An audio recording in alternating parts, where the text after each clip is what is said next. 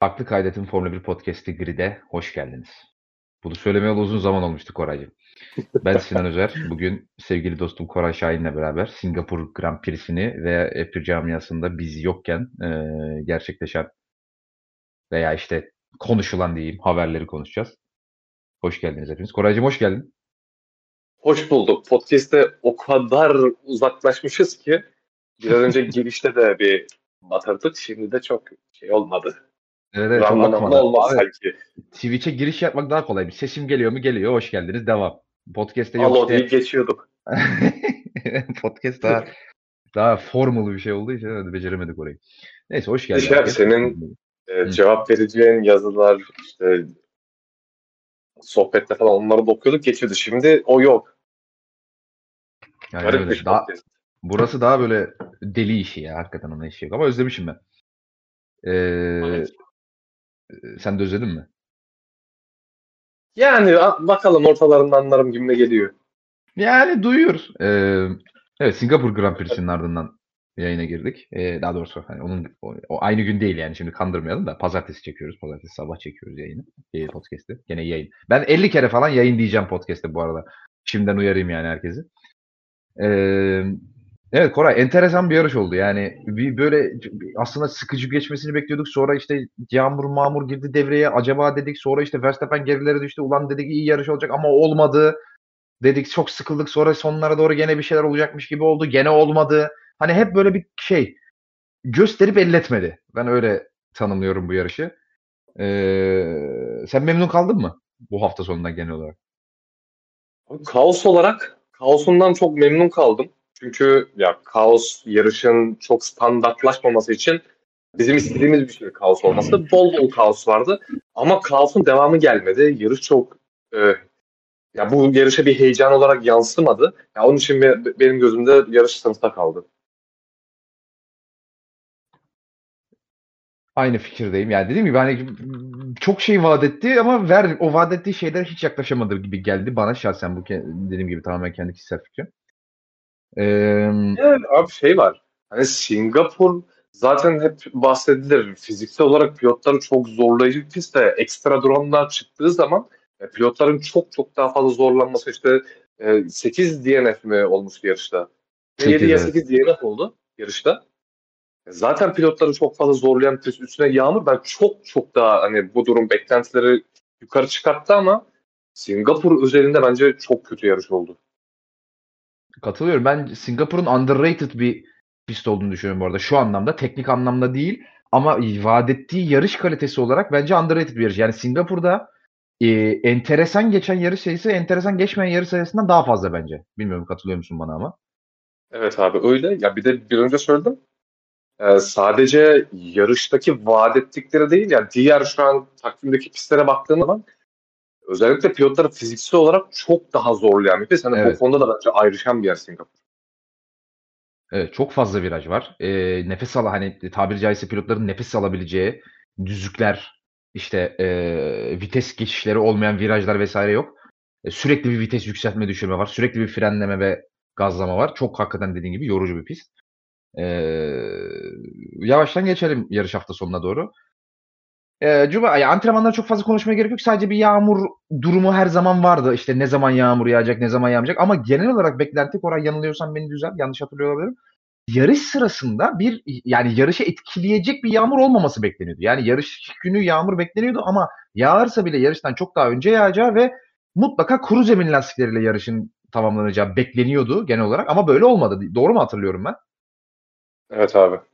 E, ama böyle olmadı ve yarışın çok büyük bir kısmı e, yarışta aktif olarak yağmur yağmamasına rağmen öncesinde yani çok yoğun bir yağmurdan dolayı e, ıslak lastiklerle geçirmek zorunda kaldı. Oraya geleceğiz. Şimdi sıralama turlarına önce bir göz atalım.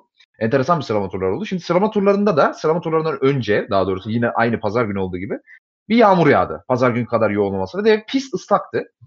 E, ve Q1 e, Q1'e pilotlar e, intermediate lastiklerle çıktılar. Hatta bazı wet denemeleri de oldu ama onlar da hemen sonra intermediate lastiklere geçtiler. Ama aktif bir yağmur yağmadığı için tabii pist seans ilerledikçe ve turlar atıldıkça kurumaya ve hızlanmaya başlamıştı.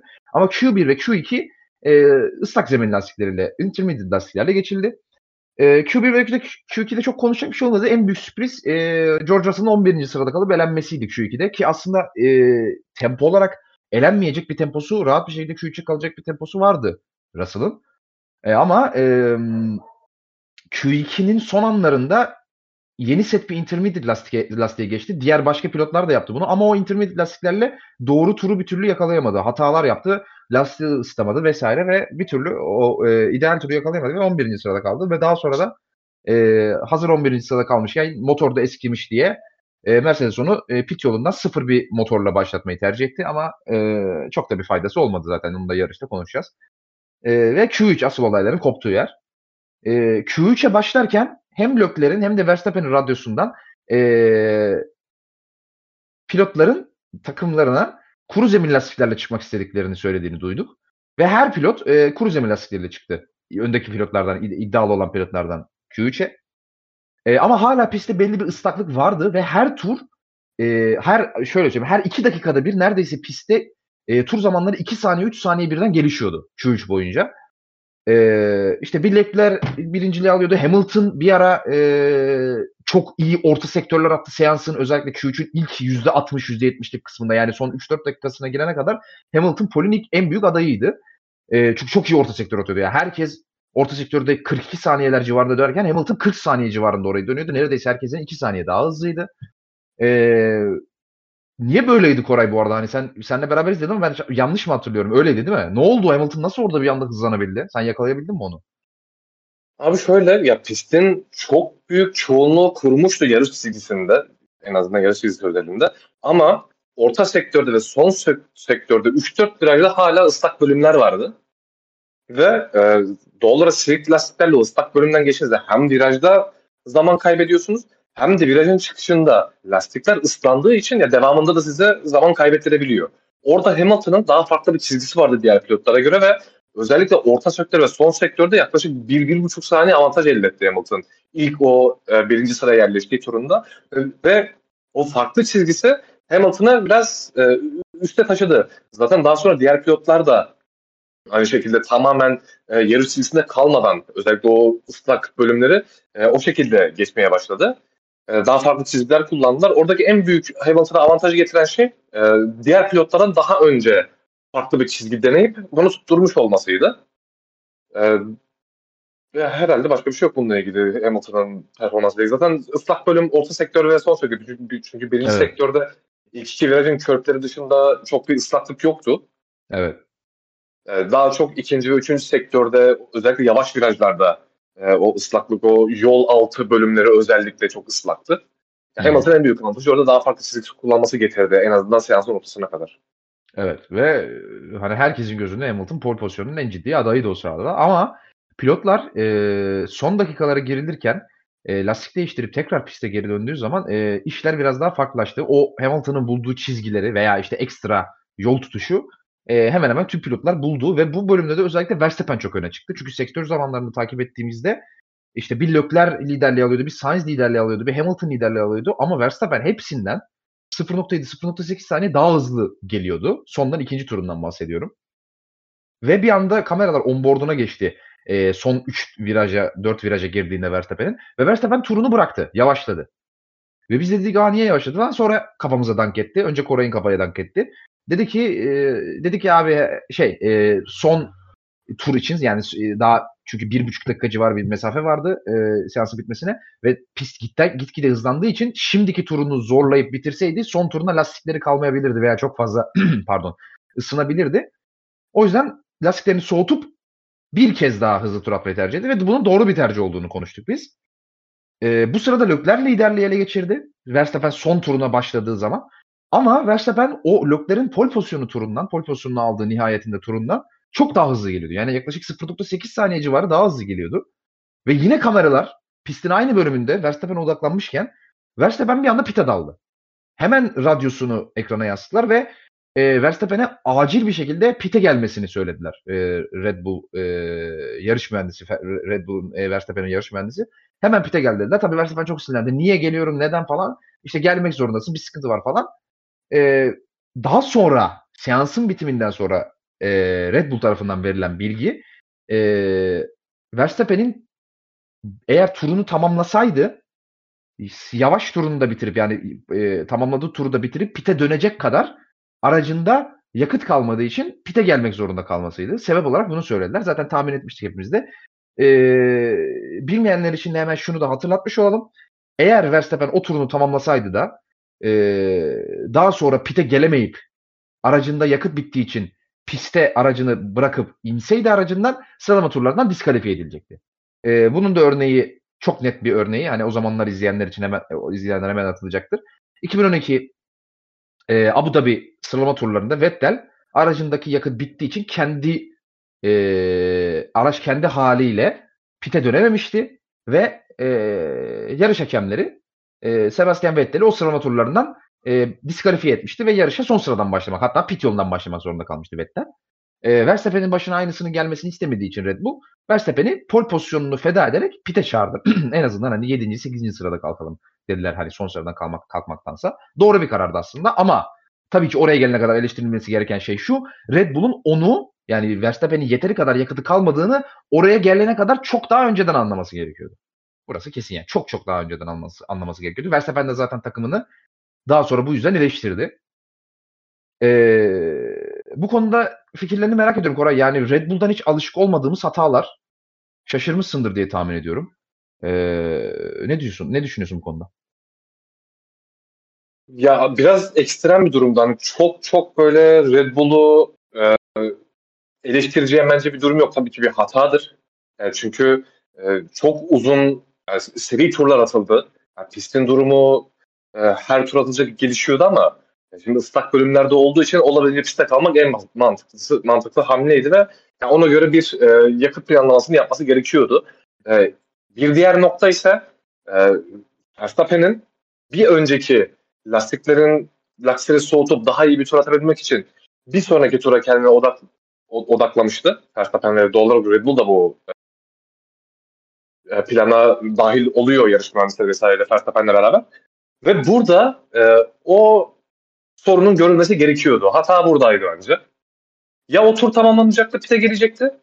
Ya da orada e, ilk uyarı yapılacaktı e, Verstappen'e. Çünkü ilk uyarının orada yapılması gerekiyordu. Red Bull oraya atladı. Muhtemelen bakmadılar oraya. Çünkü e, eğer bakılmış olsa A, tamam sen tura devam et vesaire gibi bir durum olmazdı. İkinci olay şimdi sadece yakıtın tamamen bitmesi değil. E, bir kilo bunun işte galiba 100 gram 200 gram bir tolere edilen bir limiti var. En az 1 kiloluk yakıtı sıralama turu bittikten sonra fiyanın test edebilmesi için araçta bulundurman gerekiyor aynı zamanda. Sadece bitmesi de e, bitmesiyle de olmuyor. Evet. Sadece bitmesini içermiyor o kural. Evet. E, ben bittiğinden değil de muhtemelen o bir kiloluk sınıra sınırı aş, aşmalarından dolayı ben pite çağrıldığını düşünüyorum Verstappen'in. E, çünkü e, şu da var. Ya her attığın tur e, sen lastikleri soğutuyor olsan da ya da işte hızlı tur atıyorsan da doğal olarak e, aracın ne kadar yakıt harcadığı da değişiyor. Şimdi bu da bir etken olmuş olabilir.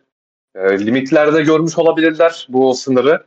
Red Bull onun için bir anda turun sonunda pite çağırmış olabilirler. E, ama dediğim gibi bunun e, hesabını bir önceki bıraktığı turda yapması gerekiyordu. Ona göre o turu tamamlayıp tamamlamasına karar vermemesi gerekiyordu Red Bull'un. Bir de şu var o turla ilgili. Tamam e, o turu çok iyi geliyordu. 0-7-0-8 galiba hatırlamıyorsam iyi bir turla geliyordu o bıraktığı turda Verstappen ama evet. turu bırakırken aynı zamanda bir arkadan kayma yaşadı. Yani orada da bir zaman kaybı durum, durum aldı ama böyle hani bir saniyeleri kaybettirecek bir arkadan kayma da değildi o. Yine iyi bir tur atacaktı. Muhtemelen o da çok etkiledi ve farklı şeylere odaklandığı için de yakıtı biraz gözden kaçırdı Red Bull. Yani dediğim gibi uzun turlar atıldı. Biraz ekstrem bir durumdu. Pistin durumu çünkü hiçbir takım tarafından öngörülemedi. Yarışta da böyle oldu. Sıralama turu, tur, turlarında da böyle oldu. Onun için biraz daha oraya odaklandığı için Red Bull bunu gözden kaçırdı. Ya hatadır.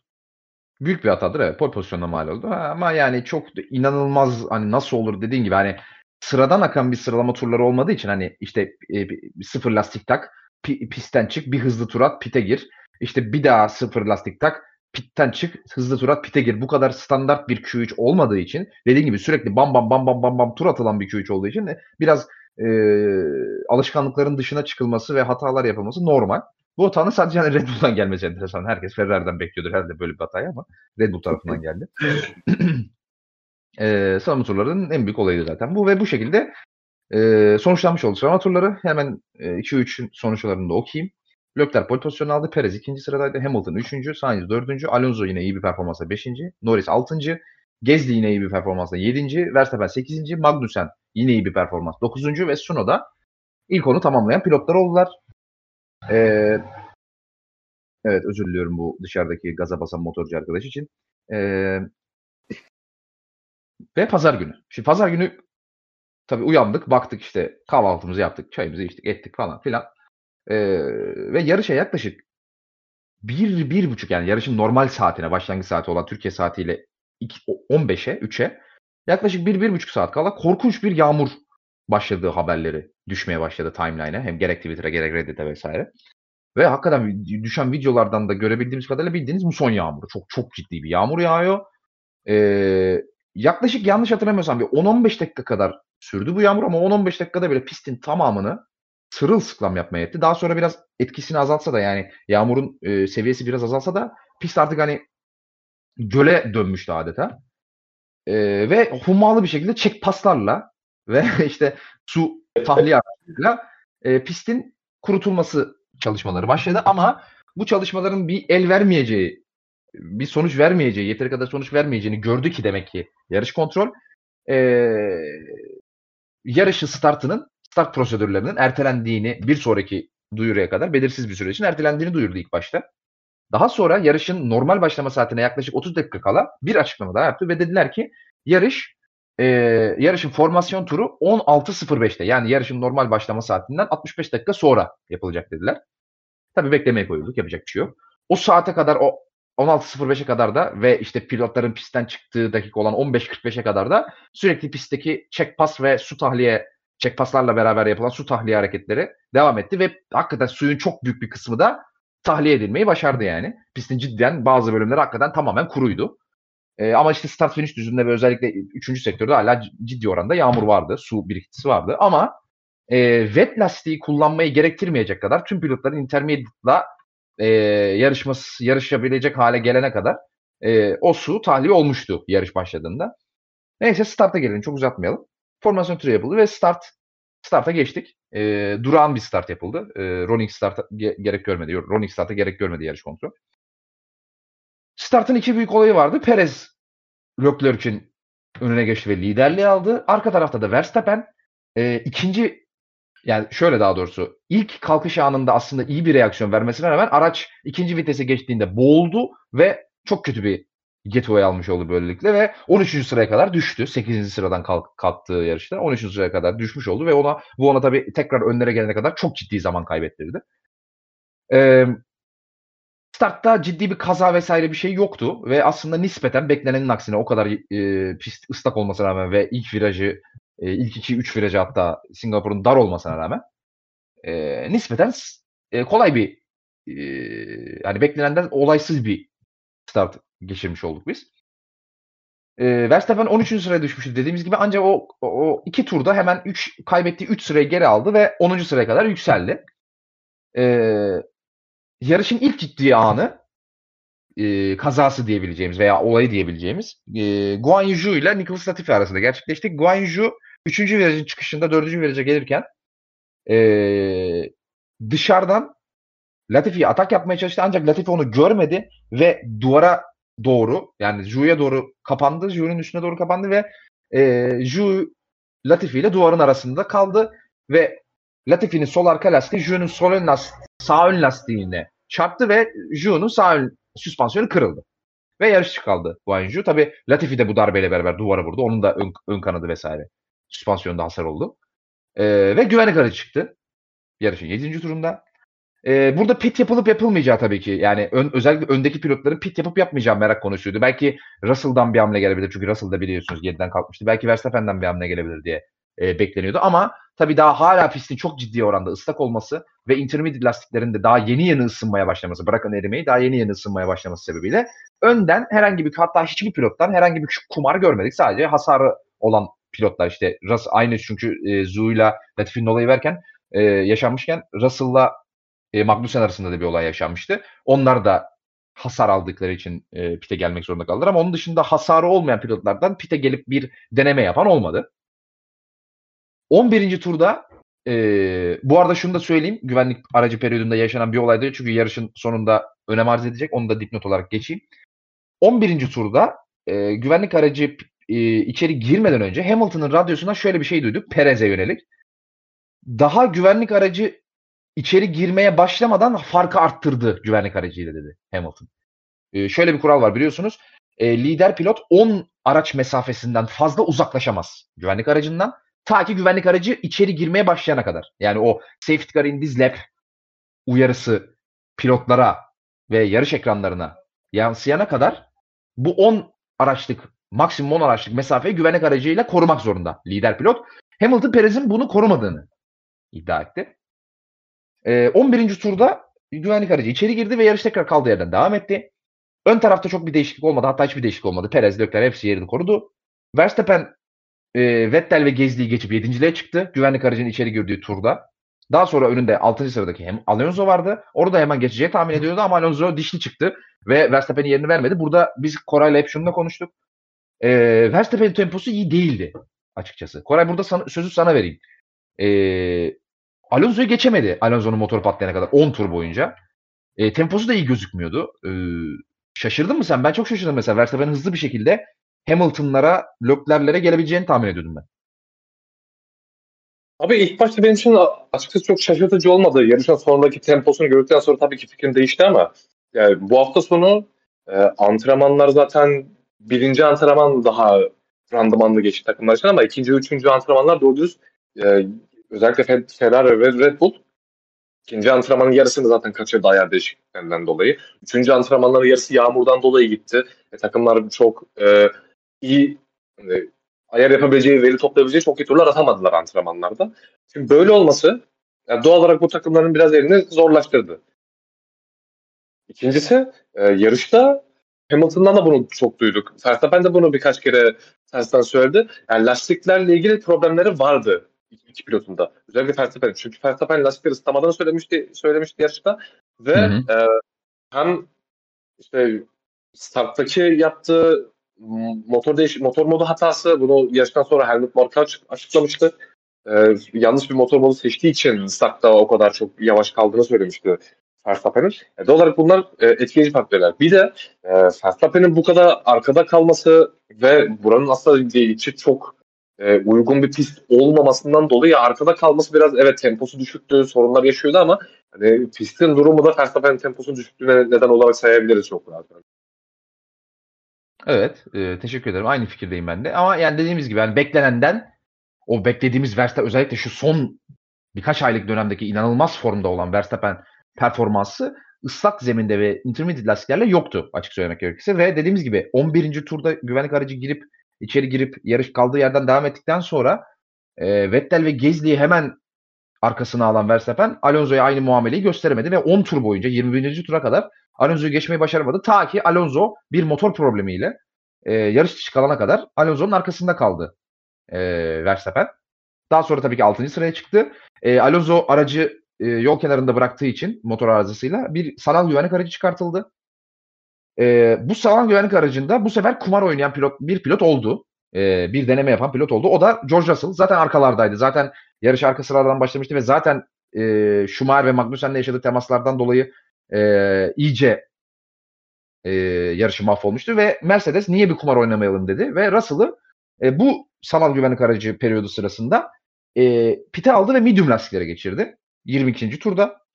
Ama bunun yanlış bir karar olduğu hemen ortaya çıktı e, ve Russell pitten çıktığı turlardan e, turlar e, pitten çıktıktan sonraki turlarında e, pistteki neredeyse herkesten 7-8 saniye daha yavaş kaldı ve turlar boyunca da devam etti bu. Yani sadece ilk 2 3 2 tur 3 tur o boyunca değil yani 10 tur sonra da 15 tur sonra da e, Russell herkesten daha yavaş kalmaya devam etti. O e, pistin medium lastiği e, çalışma aralığına kadar ısıtacak e, mesafeye gelmesi çok uzun sürdü Russell'ın ve o mesafeye gelene kadar da çok ciddi ciddi zaman kaybetmiş oldu. E, 27. tura gel, gelindiğinde bu sefer sanal güvenlik aracı çıkaran isim Alex Albon oldu Williams pilotu. E, frenlemeyi kaçırıp e, lastik bariyerlere girdi ve ön kanadını kırdı 27. turda Alex Albon. Ve o kırılan ön kanat her ne kadar Albon yarışa devam edebildiyse de yani daha doğrusu piste geri dönebildiyse de kırılan ön kanadın piste kalmasından dolayı e, bir sanal güvenlik aracı çıkartıldı o kırılan ön kanat parçaları e, pistten kaldırılana kadar. E, kısa süre bir sanal güvenlik aracı periyodundan sonra yarış tekrar kaldığı yerden devam etti. Bu sefer de hemen iki tur sonra 20, 29. turda Alonso'nun motoru patladıktan 8 tur sonra bu sefer takım arkadaşı Esteban Ocon'un motoru patladı. Üstelik de e, böyle beyaz dumanlar fırlatarak tıpkı böyle 15-20 sene öncesinden kalması V8, V10, V12 motorlardan kalma bir adeta görüntüyle, nostaljik, nostaljik bir görüntüyle e, beyaz dumanlar içerisinde motoru adeta patladı ve o da yarış çıkardı ve bir sanal güvenlik aracı daha çıktı. Bu sanal güvenlik aracı da e, Perez'in aracı kaldırıl, e, Ocon'un aracı kaldırıldıktan sonra e, yeşile döndüğü sırada e, Verstappen tabii o sırada o, e, Norris'e çok yakındı önündeki Norris'e ve bir fırsat kovalıyordu e, sanal güvenlik aracının yeşile dönmesiyle ve o dördüncü virajın çıkışındaki DRS normalde DRS alanı olan düzlükte yani pistin ikinci düzlüğünde Norris'e bir atak yapmaya çalıştı. Burada tabii kuru zemin lastiklerine e, de geçilmişti tabii pilotların e, daha özür diliyorum. Burada kuru zemin lastiğine geçilmemişti. Burada Norris'e bir atak yapmaya çalıştı Verstappen. Ancak Norris ondan daha erken fren yaptı ve Verstappen neredeyse Norris'in sol arka lastiğine çarpıyordu çok da yüksek bir süratle. Ama e, ani bir reaksiyonu toparlamayı başardı. E, Norris'i geçemedi tabii geç frenleme yaptığı için ama herhangi bir hasar almadan yarışa devam edilebildi. Hemen iki tur sonra da bu olay, özür dilerim hemen üç tur sonra da bu olay yaşandı. Bu sefer 33. turda duvara uçan isim bu sefer Lewis Hamilton oldu. Hamilton çok sert bir şekilde duvara uçtu. Tıpkı Albon gibi ama e, mucizevi bir şekilde yani hala anlayamadığım bir şekilde ön kanadı yerinden çıkmadı, kırılmadı. Süspansiyonlarında da herhangi bir hasar olmadı. Sadece e, sol ön end plate'i kırıldı Hamilton'ın ve yarışa geri dönmeyi başardı. Ve yarışa da e, Norris ile Verstappen'in arasında döndü. Yani Norris'e geçildi ama Verstappen'in Verstappen'e geçilmedi. Tam o ikisinin önünde döndü yarışa.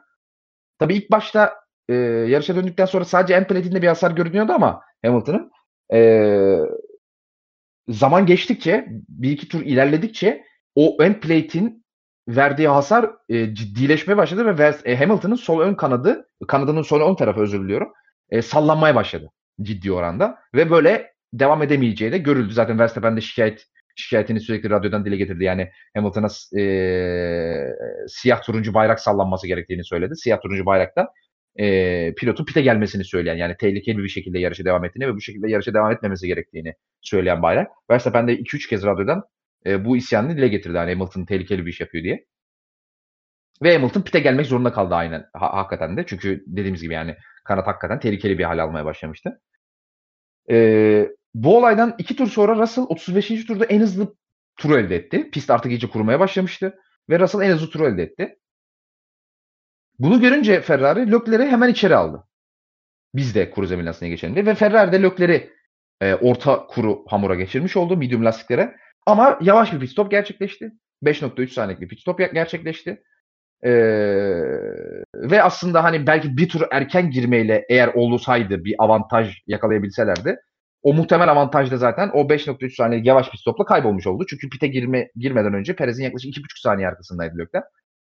Ee, Red Bull da hiç beklemedi ve hemen Perez'i de onlar da bir tur sonra Perez'i pite aldılar. Onlar tabii çok daha hızlı bir pit stopla 2.8 saniyelik bir pit stop yapmış oldular ve Perez pite giriş turunda yani inlepinde Leclerc'in inlepinden çok daha hızlı bir tur attığı için şu, şöyle söyleyeyim ne kadar hızlı olduğunu. Russell'ın attığı en hızlı turdan sadece 0.1 saniye daha yavaştı Perez'in turu. Ve ve bu çok iyi turuyla da e, ve daha hızlı da pit stopla pite girerken 2.5 saniye önünde olduğu Leclerc'in pitten çıktıkta 7.5 saniye önünde e, dönmüş oldu piste. Ve aslında Ferrari bir kez daha e, avantaj elde edebileceği bir tur, durumdan dezavantajlı şekilde çıkmış oldu. Klasik bir Ferrari hareketi. Tabii diğer pilotlar da e, Russell'ın bu performansını gördükten sonra tek tek silik lastikleri dönmeye başladılar. Ve silik lastikleri dönüldükten sonra hala nispeten kaygan olan pistte ilk hatayı yapan pilot Sunoda oldu. 10. virajda bir kaza yaptı ve yarış dışı kaldı. Ve full güvenlik aracı, sanal bir güvenlik aracı değil, full güvenlik aracı çıkmış oldu. O tura kadar pite girip lastiklerini değiştirmeyen iki pilot vardı pistte. İki McLaren, Norris ve Ricardo. Onlar güvenlik aracı arkasında pitlerini yapıp silik lastikleri geçtiler ve çok başarılı bir stratejiyle, McLaren'ın çok başarılı bir stratejisiyle Norris 4. sırada, Ricardo da 6. sırada yarışa dönmüş oldu ve e, çok avantajlı bir noktada lastiklerini değiştirmiş oldular. Bu güvenlik aracında da bu sefer Leclerc'in Perez'e Perez'e yönelik radyosundan itirazları oldu ve e, güvenlik aracına gerekenden fazla yani 10 araçtan daha fazla bir mesafe kadar geride olduğu konusunda itirazları oldu e, Lökler'in ve o güvenlik aracı periyodunun bitip yeşil bayrağa dönmesinden birkaç tur sonra da zaman ekranlarına yarış kontrolün Perez'in güvenlik aracı altında ihlal yaptığına yönelik bir inceleme başlatılacağı ve yarıştan sonra bu kararın alınacağı bilgisi yansıtıldı. Güvenlik aracının içeri girmesinden sonra e, yarış ek- zaman ekranlarında tur sayacı yani yarışın kaç tur kaldığı sayacı ekranlardan kaldırıldı ve yarışın 35 dakika sonra zaman limitiyle biteceği açıklandı. Sebebi de şu. Hatta sebebini Koray açıklasın. Ben biraz su içeyim o sırada. Koraycığım neden böyle bir bilgi geçildi? Neden tur zamanıyla bitmedi de zaman limitiyle yarışın biteceği açıklandı? Bize açıklar mısın? Özellikle 2011 Kanada'da işte 7-8 saate kadar uzayan yarışlardan sonra özellikle televizyon kanalları işte FIA'ya bayağı itirazlarda bulunmuştu. İşte biz size 7-8 saat göre yayınlamak zorunda mıyız? Bizim de kendi planımız var vesaire. Özellikle o durumlardan sonra onun gibi durumlardan sonra bu kural değişti ve yarış 3 saat desinden normalde başlangıç saati 3 ise 3'te başlayacak bir yarış en, fa- en fazla en son 6'da bitebilir. Yani bir yarışın toplam koşu mesafesi erteleme, ertelemeleriyle birlikte en fazla 3 saat sürebilir. Onun için e, bu yarışta aynı şekilde e, dediğimiz yarışın belli bir kısmından sonra direkt zaman sayacına döndü. Aynen öyle. Çok teşekkür ediyorum. Ee, 35 dakika sonra dediğimiz gibi yarışın biteceği ekranlara yansıdı. Yani yaklaşık bir 16, özür dilerim 19-20 turluk bir e, mesafe kalmıştı e, pilotların temposuna oranladığımız zaman. E, güvenlik aracı, Sunoda'nın sebep olduğu güvenlik aracı e, içeri girdikten ve yarış tekrar başladıktan sonra Verstappen yine tıpkı bir önceki VSC'de yapmaya çalıştığı gibi yine aynı yerde dördüncü virajın çıkışındaki pistin ikinci düzlüğünde Norris'e bir atak yapmaya çalıştı. Bu sefer çok daha yakındı. Çok daha iyi bir çıkış yakaladı dördüncü virajdan ve e, Verstappen'e şey, özür dilerim Norris'e şimdi o, vira, o düzlüğü hatırlarsanız böyle hafif bir sağ viraj var o düzlükte. Sağ bir hafif tam gaz döndükten sonra e, frenleme noktasına geliyorsunuz. O sağ dönülen kısımda Verstappen dışarıda kalmaya, Norris içeride Verstappen dışarıda kalmaya çalıştı. Tabii o dışarı kısım yarış çizgisinin dışında olduğu için orası hala ıslaktı ve Verstappen e, kuru zemin lastikleriyle o ıslak bölüme çıktığı için zaten belli bir yol tutuş kaybetti. Bir de üstüne üstlük çok da geç fren yaptı Verstappen ve aracı durdurmak için tüm lastiklerini kilitlemek zorunda kaldı. Dört lastiğini birden kilitlemek zorunda kaldı ve dışarıya uçtu Verstappen. Herhangi bir hasar almadı, herhangi bir yere çarpmadı ama lastikler tamamen yanmıştı bu olayın sonunda ve aynı tur turun sonunda Verstappen bir kez daha pite gelip e, lastiklerini değiştirmek zorunda kaldı. Soft lastiklere geçti ve yarış ve son sıraya düştü. Yaklaşık 15 saniye civarında bir farkla son sıraya düşmüş oldu ve Verstappen'in yarışı mahvolmuş oldu aslında ki e, dönüp baktığımız zaman onu, birazdan Kore'ye de soracağım.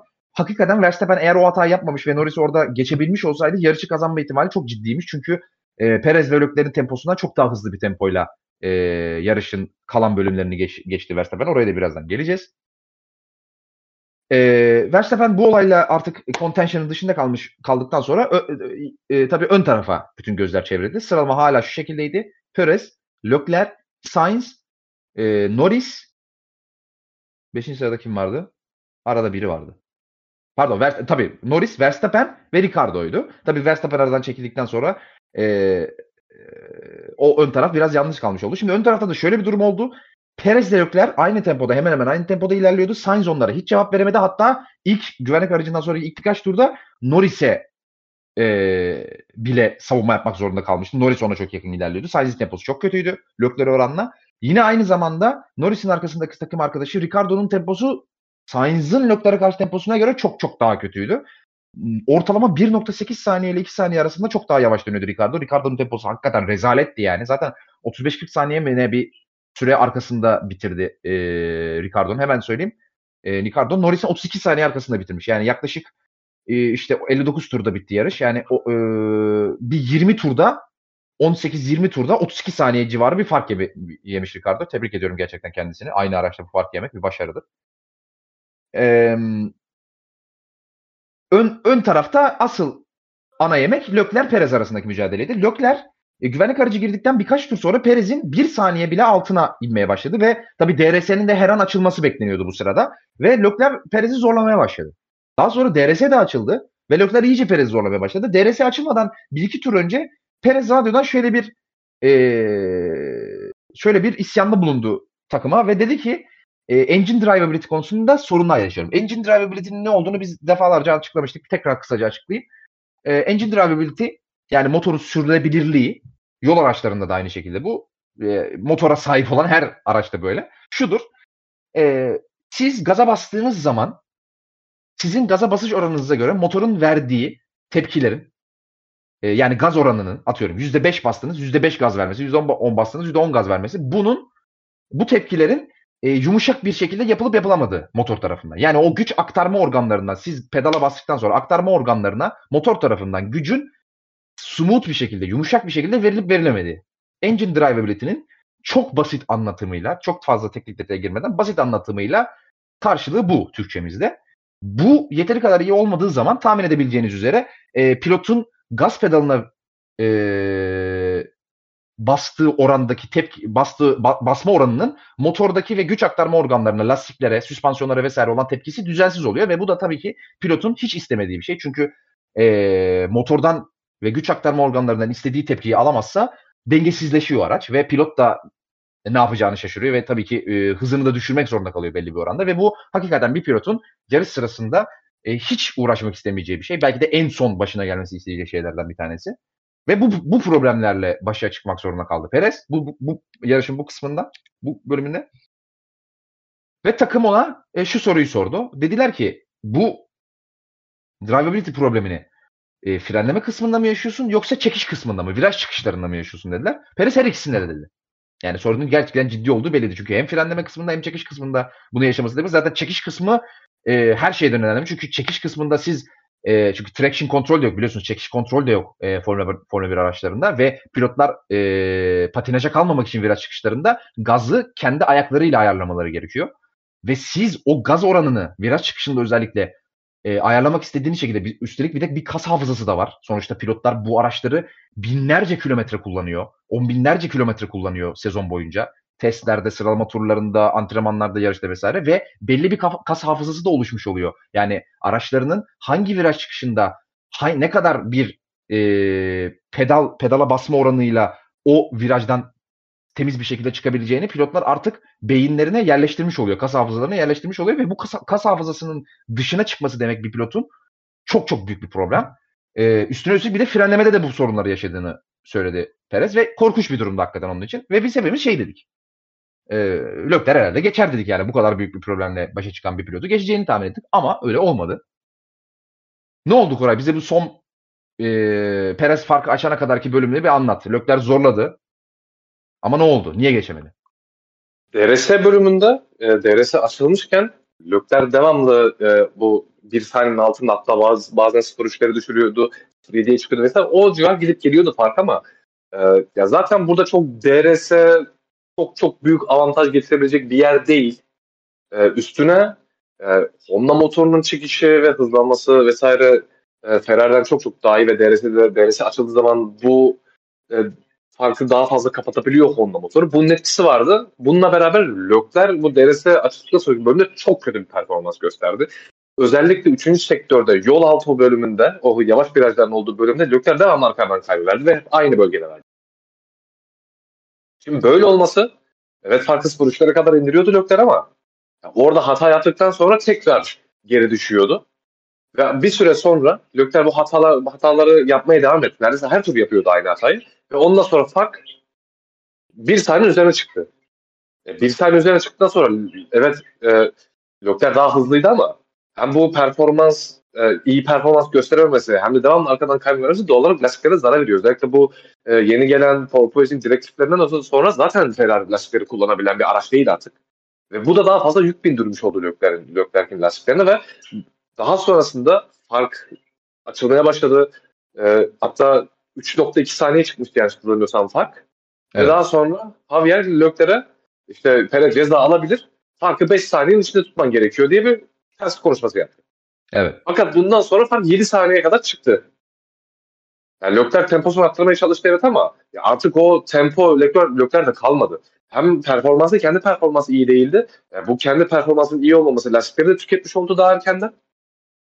Ee, ya çok basit görünebilir bu arkadan kaymalar ama arkadan kaymalar o kadar özellikle böyle bir pistte e, çok fazla pilotları zorlayan, performans olarak devamlı en üst seviyede olmanız gereken ve e, orada devamlı kalmamanıza neden olabilecek bir pist burası. Yani çünkü ortalama olarak nabız en nabızlı ortalamasının en yüksek olduğu pist yanlış hatırlamıyorsam takvimde Singapur. Ve bu durumlarda aracı yönetmek, daha iyi performans göstermek çok kolay bir iş değil. Yani hata yapıyorsanız çok çok daha zor.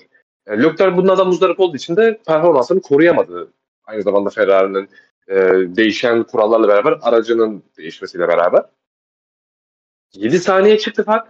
Artık Leclerc orada tamamen e, yani yarıştan kopmuş oldu. O 5 saniye farktan da koptu. Daha sonra tekrar bir e, Leclerc'e bilgilerle birlikte 10 saniye ceza alabilir şeklinde ve ondan sonra çok bir değişik olmadı. Zaten Perez de rahatlamıştı biraz.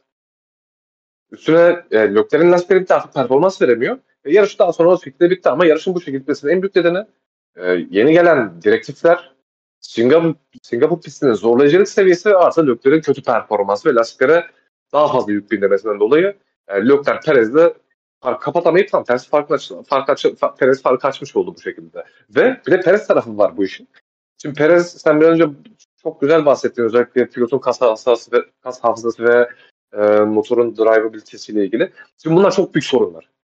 Ya Perez'in mesela yarış sonu Horner Perez'i çok övdü. Ya bence de hani Perez kariyer yarışlarından birini çıkardı bence son 10-15 turda. Hatta hatta Horner radyodan dedi ki e, bu senin en iyi performansın dedi. Aynen bence haklı. Ya çünkü evet Perez'in daha önce arkadan gelip işte Force India'da vesaire çok iyi performansları görüp cadde pistlerinde, yağmurlu pistlerde vesaire iyi performansları vardı Perez'in. Ama bu performansı yine cadde pistinde yağmur evet yine e, aynı etmenler var, etkenler vardı. Ya bu sefer aynı zamanda araçla da boğuşmak zorunda kaldı Perez. Ve evet Lökler çok kötü performans gösterdi. Aracın durumu iyi değildi. Pis koşullar vesaire. Bununla beraber aynı zamanda Perez de son 10-15 tur ya kariyerinin iyi 10-15 turunu geçirdi. Aynı zamanda bunun etkisi var. %100 katılıyorum. Perez'in performansı konusunda sana %100 katılıyorum. Ben de gördüğüm en iyi performans yani başka bir pilotun e, bu durumda kaldığında ne yapabileceğini gerçekten kesemiyorum. Yani gridde engine drivability konusunda teknik bir sorun yaşayıp üstelik kaygan bir pistte, üstelik daha yeni yeni kuruyan bir pistte, zaten yol tutuşun çok düşük olduğu pistte bu sorunu yaşayıp Singapur'da üstelik yani 70 tane farklı e, traction noktası olan bir pistte bunu yaşayıp üstün üstlük arkanızda e, sizden liderliği almak için götünüzde ayı bağırıyorken tabiri caizse yani. E, bu performansı sıfır hatayla gösterebilmek gerçekten gridde çok az pilotun başarabileceği bir şey bence ve Perez benim bunu başarmasını beklediğim pilotlardan biri değildi açık söylemek gerekirse. Gerçekten çok çok iyi bir performans. E, şapka çıkarmak gerek. Leclerc'in performansı konusunda söylediklerine katılıyorum ve yarışı Leclerc 7.5 saniye, 7.6 saniye Perez'in arkasında bitirdi. Ve Perez kazanmış oldu yarışı. En azından pist üstündeki sonuçlara göre. Daha sonrasına geleceğiz şimdi.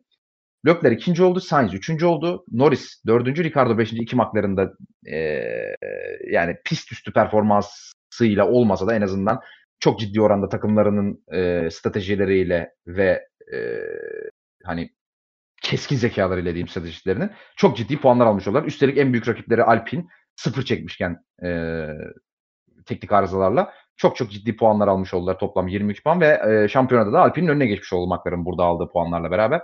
Stroll yine çok iyi bir performans gösterdi. Altıncı oldu. Hiç yarışta neredeyse etliye sütle karışmadan altıncı bitirdi. İyi bir performans yine ondan. Verstappen yedinci oldu. Çok olaylı yarışta. E, 6 puan almayı başardı. Vettel 8. oldu. Hamilton 9. oldu. E, Gezdi de 10. bitirdi yarışı. Son puanın sahibi oldu. Bottas, Magnussen, Schumacher, Russell şeklinde tamamlamış olduk e, yarışı.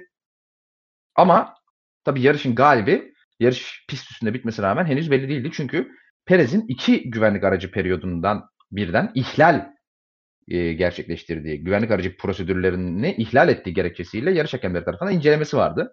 Ve yarıştan yaklaşık bir saat sonra Perez e, yarış hakemleri tarafından e, şeye çağır, savunma yapmaya çağrıldı. E, ve bu savunmanın sonucunda açıklanan kararlar. iki farklı karar var. İki farklı kararı size şimdi okuyup e, kısaca e, daha sonra da değerlendireceğiz. İlk karar yarışın 10 11. turunda içeri giren e, güvenlik aracının güvenlik aracı periyodunda yaşanan bir e, sözde bir ihlal yani iddia edilen bir ihlalin incelemesiydi. Burada açıklanan karar da şu. Bir kere iddia şu. E, Perez'in biraz önce de bahsettiğimiz güvenlik aracıyla maksimum 10 araç bırakma 10 araç, 10 araç, 10 araçlık bir mesafe bırakma kuralını ihlal ettiği yönündeydi. İddia bu. E, yarış hakemlerinin bu konuda aldığı karar Perez'e kınama cezası vermek oldu. Şimdi bu kararın e, yarış hakemleri tarafından yapılan resmi açıklamadaki sebeplerini okuyacağım size. 11 numaralı araç Perez'in e, 10. turda güvenlik aracı altın güvenlik aracı koşulları altında e, 10 araçlık mesafeden daha fazla bir mesafe e, güvenlik aracıyla bıraktığı iddia ediliyor ve bu e, iddianın doğru olduğunu görmüş yaptığı incelemelerde e, yarış hakemleri. Ancak bir süre cezası veya başka bir ceza vermeyip kınama vermelerinin sebebi olarak da şunu söylemişler. E, Perez onlara şu savunma yapmış. Demiş ki pist çok ıslaktı. Önümü görmekte zorlanıyordum ve güvenlik aracından çıkan spreylerden dolayı da güvenlik aracını takip etmekte de çok zorlanıyordum. Üstüne üstlük lastiklerim çok soğuktu. Frenlerim de çok soğuktu ve bu yüzden de ben e, güvenlik aracını takip etmekte ve o onunla gereken mesafeyi korumakta çok zorlanıyordum demiş. Perez aslında evet 10, 10 araçlık mesafeden daha fazla bir mesafeye çıktığını zaman zaman kabul etmiş ama bunun sebepleri olarak da dediğim gibi lastiklerinin durumunu ve pistin durumunu e, savunma olarak sunmuş yarış hakemlerine. Ve yarış hakemleri de onun bu yaptığı savunmaya karşılık şu kararı vermiş. E, Perez'in savunmasındaki pistin olması gerekenden daha fazla ıslak olduğu ve güvenlik aracını gereken mesafede takip etmenin zorlaşması her ne kadar doğru olsa da imkansız değildi ve Perez'in hala bu koşullara rağmen güvenlik aracını 10 araçlık mesafeden daha kısa bir mesafede takip etmesi mümkündü. Yani Perez'in burada bir ihlali var demiş yarış hakemleri. Ancak işte bu ıslak kondisyonları, ıslak ya pistin durumunu, ıslak ıslaklık durumunu ve e, Perez'in bu yaptığı ihlalden herhangi bir şekilde bir avantaj elde etmesi gibi bir durumun söz konusu olmadığına karar vermişler ve bu sebeple de ona kınama cezasının en uygun olacağını karar vermişler yarış hakemleri. İlk karar bu şekilde. Tekrar kısaca özet geçiyorum. Perez 10 araçlık bir mesafeden daha fazla bir mesafe bıraktığını güvenlik aracıyla yer yer kabul etmiş. Sebep olarak lastiklerinin ve frenlerinin çok soğuk olmasını ve pistin e, ıslak olmasından dolayı güvenlik aracını takip etmenin çok zor olduğunu iddia etmiş. Yarış hakemleri pistin ıslak olduğunu kabul etmiş ancak Perez'in yine de 10 araçlık mesafeden daha az bir mesafeyle gidebileceğine hükmetmiş ve Perez'in burada hatalı olduğuna karar vermiş. Ancak Perez'in saydığı koşulları da göz önüne alarak kınama cezasından daha fazla bir cezaya gerek olmadığı kararını vermiş. İlk güvenlik aracı periyodu için Perez hakkında verilen karar bu şekilde. Şimdi geçiyorum ikinci güvenlik aracı periyodunda yaşananlara. Yine iddia aynı şekilde Perez'in 10 araçlık mesafeden daha fazla bir e, mesafe bıraktığı iddiası var. Burada verilen karar da şu şekilde olmuş. 5 e, saniye bir e, yarıştaki süresine toplam 5 saniye eklenmesi kararı verilmiş. Şimdi okuyalım bakalım neden ilk e, seferinde kınama cezası verdikten sonra burada neden 5 saniye ceza vermiş hakemler? Bir tekrar okuyalım. 36. turda Perez yine 11 numaralı aç Perez liderken e, Perez yine 13. ve 14. virajlar arasında e, yani güvenlik aracı ışığı hala aktifken yani güvenlik aracı hala içeri girmemişken hala pistteyken 13. ve 14. virajlar arasında 10 araçlık mesafeden daha fazla bir mesafe bırakmış güvenlik aracıyla Perez. Yarış direktörünün bur şimdi buradaki yarış hakemlerinin verdiği karar şu şekilde. Yarış direktörü e, ona bir uyarı vermiş, vermiş Perez'e. Büyük ihtimal işte aracına veya takımına bir şekilde bir uyarı vermiş. Yani Perez'e 10 araçlık mesafeden daha fazla bir mesafe bıraktığı konusunda bir uyarı vermiş güvenlik aracıyla ve bu uyarıyı 9. ve 10. virajlar arasında vermiş. Yarış direktörü takıma vermiş bu uyarıyı şimdi gördüm özür diliyorum az önce görmemiştim şimdi gördüm takıma vermiş bu uyarıyı yarış direktörü ancak Perez bu uyarıyı dikkate almayıp takım takımda çünkü bu uyarıyı Perez'e söylemiş. Yani o araçtan daha fazla bir mesafe bırakıyorsun demiş güvenlik aracıyla. Ancak Perez bu uyarıyı dikkate almamış e, ve bu burada da bir ihlal gerçekleştirmiş. Bu 9. ve 10. virajlar arasındaki ihlalden dolayı bir kınama cezası daha vermişler. Perez'e. Burada bir ara karar var aslında. Karar içerisinde bir ara karar var ve 9. ve 10. virajdaki virajlar arasındaki ihlalden dolayı Perez'e bir kınama daha gelmiş. Şimdi ikinci olayda 13. ve 14. virajlar arasında yaşanan olayda bu sefer Perez'in aynı güvenlik aracı periyodu içerisinde iki tane ihlali olduğu için ve bu sefer işte ilk olayda yaşanan gibi işte pistin ıslaklığı vesaire gibi bir durumda söz konusu olmadığı için Perez'e bu sefer 5 saniye bir ceza vermesine karar verilmiş.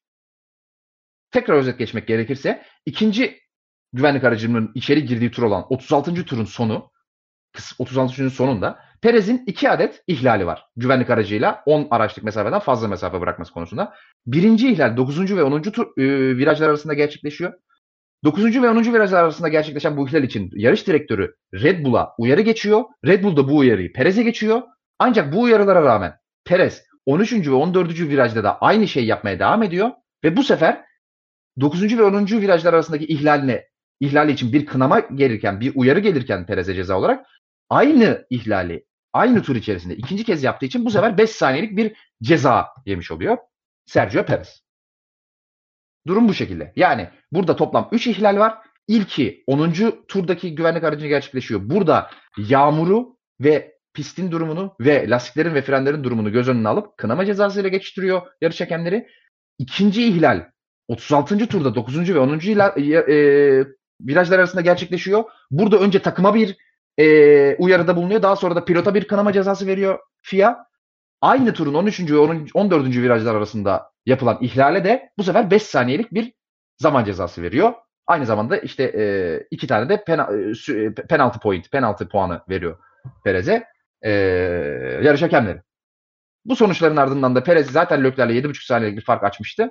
E, bu fark 2,5 saniyeye inmiş olsa da Perez yarış galibiyetini, pist üstünde kazanmış olduğu yarış galibiyetini masada kaybetmemiş oluyor ve yarışın resmi galibi olarak ilan ediliyor.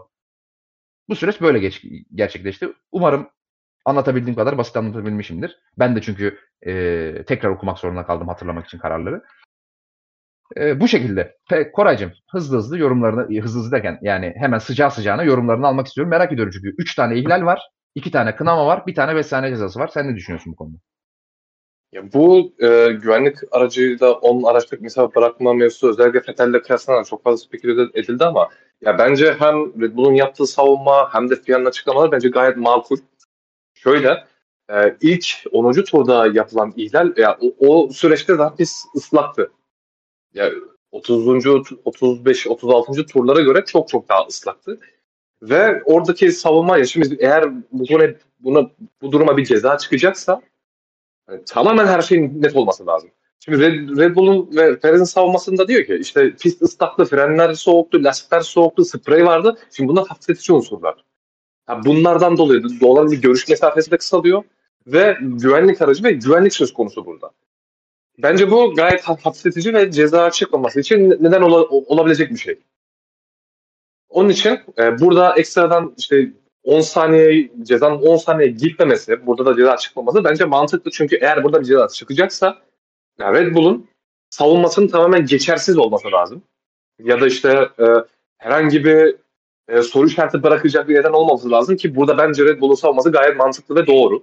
Hani bu sadece e, Red Bull'un savunmasını çok iyi yönetmesi değil, aynı zamanda sunduğu nedenler de kabul edilebilir nedenler. Hani e, biraz önce bahsettiğim şey spreydi, frenlerdi, lastiklerdi vesaire bunların dur- durumunu göz, göz, önüne al, al, alarak yani bu karar vermesi doğru.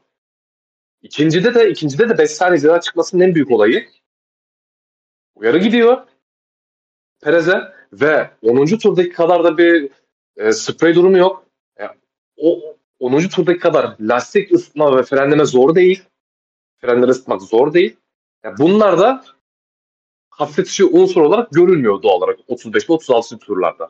Ya da 36. tur muydu sadece? O 9, 10 ve 14. virajlarda. Burada ceza çıkması, orada 5 saniye ceza çıkması bence doğru.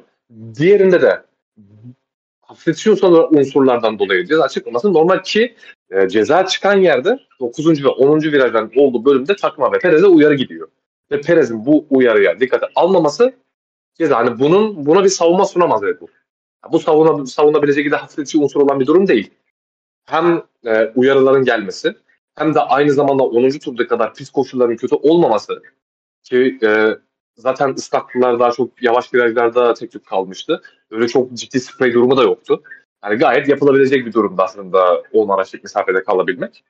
Onun için e, ben hem 10. turdaki ceza çıkmama olayını hem de 36. tur ceza olayını doğru buldum. Ee, teşekkür ediyorum yorumlar için. Ee, ya ben de kısaca kendi yorumumu yapayım. İlk ilk ilk e, olay konusunda 10. turda yaşanan olay konusunda kesinlikle sana katılıyorum. Bence savunma da gayet e, mantıklı. Kınama cezası verilmesi de gayet mantıklı ve kınama cezasına sebep olarak gösterilen e, evet Perez zorlansa da bir ihlal yapmıştır ve bu ihlal tamamen yaptığı şeyi savun e, karşılamaz deyip e, formalite de olsa bir kınama cezası verilmesi, hiç cezasız bırakılmaması doğruydu. İkinci olayda e, şimdi 9 ve 10 ve 13 ve 14 olarak iki farklı ihlal olduğu için aynı tur içerisinde ilkinde uyarı yapılıp ikincisinde ceza verilmesi bence de doğru. E, çünkü ilk seferinde zaten bir uyarı gitmiş, hata düzeltilmiş. İkinci seferinde ke- tekrar e, aynı şey yapılınca bu sefer ceza çıkmış. Bence de burada hani prosedür olarak FIA'nın işlediği, yarış kontrolünün daha doğrusu işlediği, e, yarış direktörünün daha doğrusu işlettiği prosedürde herhangi bir e, işlem hatası yok. Neden? Çünkü e, hemen şöyle bir örnek vereyim. Şimdi normalde bir pilotu pisti keserek geçmek yasak değil mi pist üstünde? Yani çok net e, e, herkesin bildiği daha Formula 1'i yeni işle, izlemeye başlayan insanların bile hakim olduğu en net Formula 1'deki kurallardan bir tanesi. Pisti keserek, pist dışına çıkarak bir pilotu geçemezsiniz. Bunun cezası var normalde. Ama bu cezayı uygulamak yerine yarış kontrolü ne yapıyor? Önce takıma bir uyarı geçiyor. Değil mi? Radyodan diyor ki pilotunuza söyleyin yerini geri versin. Şimdi bu ne demek? Yerini geri vermezse ceza alacak demek. Takım da pilota söylüyor yerini geri ver diye. Yerini geri veriyor ve cezasız bir şekilde yarış tıpkı olay hiç yaşamamış gibi kaldığı yerden devam ediyor. Bu neden yapılıyor? Çünkü her olay düzeltilebilecekken bile eğer ceza verilirse yarış akmaz. İzlenilebilirliği düşür. Yarışın e, yarışa gereksiz bir karmaşıklık getirilmiş olur. Buna mal vermemek için FIA bazen prosedürleri ve yarış direktörü, daha doğrusu FIA kurallarında yarış direktörüne bu serbestliği veriyor. Yarışın akışını etkilemeyecek şekilde kuralları işletmeden önce inisiyatif alma konusunda yarış direktörünün yıllardır, yıllardır yani yeni bir şey değil bu, böyle bir inisiyatifi var. Ve dediğimiz gibi bu inisiyatifi en çok pist dışına taşmalarda görüyoruz. Burada da yarış direktörleri, yarış hakemleri aynı inisiyatifi kullanmış. Önce yarış direktörü ilk ihlalde uyarı veriyor takıma. Takım da Perez'i iletiyor, düzeltiyor. Ama 3 viraj sonra aynısını yapınca bu sefer aynı ihlali iki kez e, yaptığı için artık yarış direktörünün de yapabileceği bir şey yok. Yarış hakemleri burada ceza vermek zorunda kalıyor. Bence de burada da prosedür konusunda hiçbir sıkıntı yok. E, bu kadar fazla konuşulmasını da anlamadım. Yani niye bu kadar yangın yapıldı? Bana da çok mantıksız geldi. E, ben prosedürde herhangi bir hata göremedim. E, söylemek istediğim bir şey yoksa e, bu konuyu geçiyorum. Yok abi. Okey. E, yarışı bu şekilde bitirmiş olduk. E, sorulara geçelim çünkü konuşacağımız konular da var. E, sorular bittikten sonra bazı e, sizin de takip ettiğiniz bazı olaylar oldu F1 camiasında. Özellikle pilot pazarında bazı hareketlilikler oldu. Onları da konuşacağız. Şimdi önce bir sorularımıza geçelim. E, tabii bulabilirsem. Evet şurada. Ee, Esra Yılmaz evet Esra Yılmaz sormuş. Selamlar demiş. Selamlar. Selam. Sinabor, Sinabor. Sinabor'da geçişin zorluğunu Sinabor ne ya? Singapur'a Sinabor mu deniyor? Abi viraj ismi bu. Öyle mi? Bir viraj vardı da Sinabor abi öyle bir şey tam hatırlayamadım ben de. Sanki Sinabor. Bakayım. Sinabor diye bir e, viraj ismi arıyorum şu an pistte. Hayır. Benim anlamadığım bir Singapur kelime esprisi bu ama e, Singapur Singapur anlamadım. Ben Herhalde anlamadım. bizim cahilliğimiz. Sinavor'da geçişin zorluğunu hesaba kattığımızda Lökler'in yarışını hangi noktada kaybettiğini düşünüyorsunuz demiş Kore. İyi. Ya bir önce anlattım. Özellikle arkasına geldikten sonra aynı bölgede devam arkadan kayma verdi ve aynı virajda devam atardı. Bence e, Lökler yarışı orada kaybetti. Evet sen orayı anlatmış zaten. Bir sorusu daha var. Yarış kontrolünün her olayda kanı gibi aksiyon alması tahmini ne zaman birinin ölümüne sebep olur? Ben bunu e, kaç yarıştır Discord'da yarışı falan izlediğimizde aynı şeyi söylüyorum. Gene bağırıp çağırdım aynı olayda. Abi bir olay oluyor. Bir tur neredeyse bekliyorlar bazen. Güvenlik aracı veya sanal güvenlik aracı çıkarmak için. Ya yani en en sonun en şeyi iki, bir, bir, e, şeyde oldu. Hollanda'da oldu. Ya pistin ortasında araba duruyor. Start finish düzlüğünde. Bir tur sonra çıkardılar güvenlik aracını. Burada da hem güvenlik aracını hem samanlık güvenlik aracını çıkarma konusunda çok geç kalıyorlar sürekli. Ya yani bu niye böyle anlamadım. Bu bu sene getirilen yarış hakemlerin, yarış e, direktörleri böyle bir ağır kanlı insanlar. Anlamıyorum niye yani. E, bir gün hakikaten bir şey çıkacak diye ben de bekliyorum ama umarım öyle bir şey olmaz. E, Nail et Nail G14 sormuş. G14 sormuş. 2024'te Fernando Alonso Ferrari şampiyon yapabilir mi demiş Koray Şahin. Yapamaz. Neden yapamaz? Çünkü Alonso Ferrari'ye gelmeyecek. Alonso Ferrari'de yarışmıyor deseydin daha güzel olur. Ee, Kabzımal et ATG Met sormuş. Herhalde Erman Toroğlu kendisi. Red Bull pit duvarı Perez'e 10 yerine 5 saniye fark açmalısın diyerek büyük bir hata yapmış mıdır? Demiş. Ee, yani bence Perez saniyeden bağımsız olarak zorlaması gerektiği kadar zorladı. Hem Leclerc hem Perez ve 7.7 saniye açılmış oldu fark. Bence yani 5 saniye üzerine çıkarıcı herhangi bir reafete kapılmadı gibi geldi bana Perez. Gayet de olan, olağan temposuyla gaza basmaya devam etti yani. Ben çok bir hata olduğunu düşünmüyorum şahsen. Koray ben düzenli olarak açıldı bir de. Evet. Yani düzenli olarak. Bence yani yavaşlamadı Perez 5'in üzerine çıkartınca temposunu. Salame ile DSC Luka. Selamlar. Sağ ol canım. Selamlar. Aston Martin'in durdurulamaz yükselişi devam ediyor. Bu şekilde gelişmeye devam ederlerse Alonso sene şampiyon olabilir. İyi kayıtlar demiş. Teşekkür ederiz canım. Ne düşünüyorsun Koray? Abi Aston Martin'in ben çok böyle büyük atılım yapacağını düşünmüyorum ama sadece şöyle bir durum var.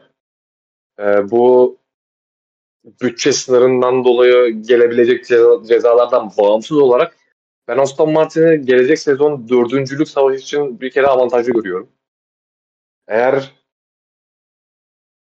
bir ceza çıkmazsa Aston Martin'e rüzgar testi için zaten daha fazla e, süre harcayabilecek ve böyle bir avantajı olacak diğer takımlara göre. Aynı zamanda bu pilot değişimleri durumunda Alpine ve McLaren e, hem bütçe olarak çok büyük zarar gördü hem de araç dışında ilgilenmesi gereken çok fazla şey oldu. Hani o Alpine ve McLaren'da çok fazla dağınıklık oldu bu bölümde. E, eğer bir ceza çıkmazsa Aston Martin, Aston Martin'e ben gelecek sezon dördüncülük savaşı için biraz daha olayın e, araç gelişimi ve Formula 1'in içinde kal, kalabildikleri için ben biraz daha avantajı görüyorum Aston Martin gelecek sezon dördüncülük için. En azından kağıt üstünde şimdilik. Teşekkür ediyorum yorumların için. Ee, şampiyonluk tabii şakasına yazmışlar diye tahmin ediyorum yani hocam. Tabii efendim. Can et, Can et suni puan farkı. Selamlar selamlar. Pistin, pisti kaçış noktalarında olan DNF'lerin bazılarına SC, bazılarına VSC çıktı. Piste görevliler varken yeşil bayrak çıktı. Bu uygulamaların bir standartta olması gerekmiyor mu? Ayrıca yeni yönetimin reaksiyon süresi bakımından Masi yönetimiyle pek bir farkı var mı? İyi kayıtlar. Teşekkür ederiz. Reaksiyon süresi bakımından Masi'den çok daha kötüler. Onu söyleyelim. Çok çok daha kötüler. Masi o konuda Charlie Viking'den bile çok daha hızlıydı bana kalırsa. Hemen çıkartırdı yani. Daha biz görüntüyü görmeden safety car'ı görürdük yani. Ekranlara görüntü gelmeden. E, o konuda hiçbir şekilde eleştiremem Michael Masi'yi. E, bu, ya şu pist üstünde bir vinç varken, insan varken falan yeşil bayrak ya bu rezalet. Her seferinde bağırıyorum ben. Ya işte şey olacak yani. Hiç söylemek istemiyorum buna. Bir gün hakikaten birinin üzerinden bir görevlinin üzerinden bir araba geçecek. Bir, bir şey fırlayacak falan. Ondan sonra yapmayacaklar bu işleri. Yani daha ya hep sürekli bu olayı hatırlatmak istemiyorum ama abi daha Bianchi'nin oldu, öldü 7 sene oldu ya. Olay 8 sene oldu, öldü 7 sene oldu. Daha 30 sene olmadı yani. Ya yapmayın şunları ya. Bir de burası cadde pisti. Her şey 3 metre mesafede. Ya yapmayın şunları ya. Gene içeri vinç giriyor. Orada pilotlar dönmeye devam ediyor. Abi yapmayın. Gözünüzü seveyim ya. Salam Meyret DSC Luka'nın bir sorusu daha var. Alonso'yu yiyeceğiz diye takımlar şampiyonasında dördüncülüğü veren ahmak Alpin hakkında sert yorumlar gelir mi demiş Koraycığım.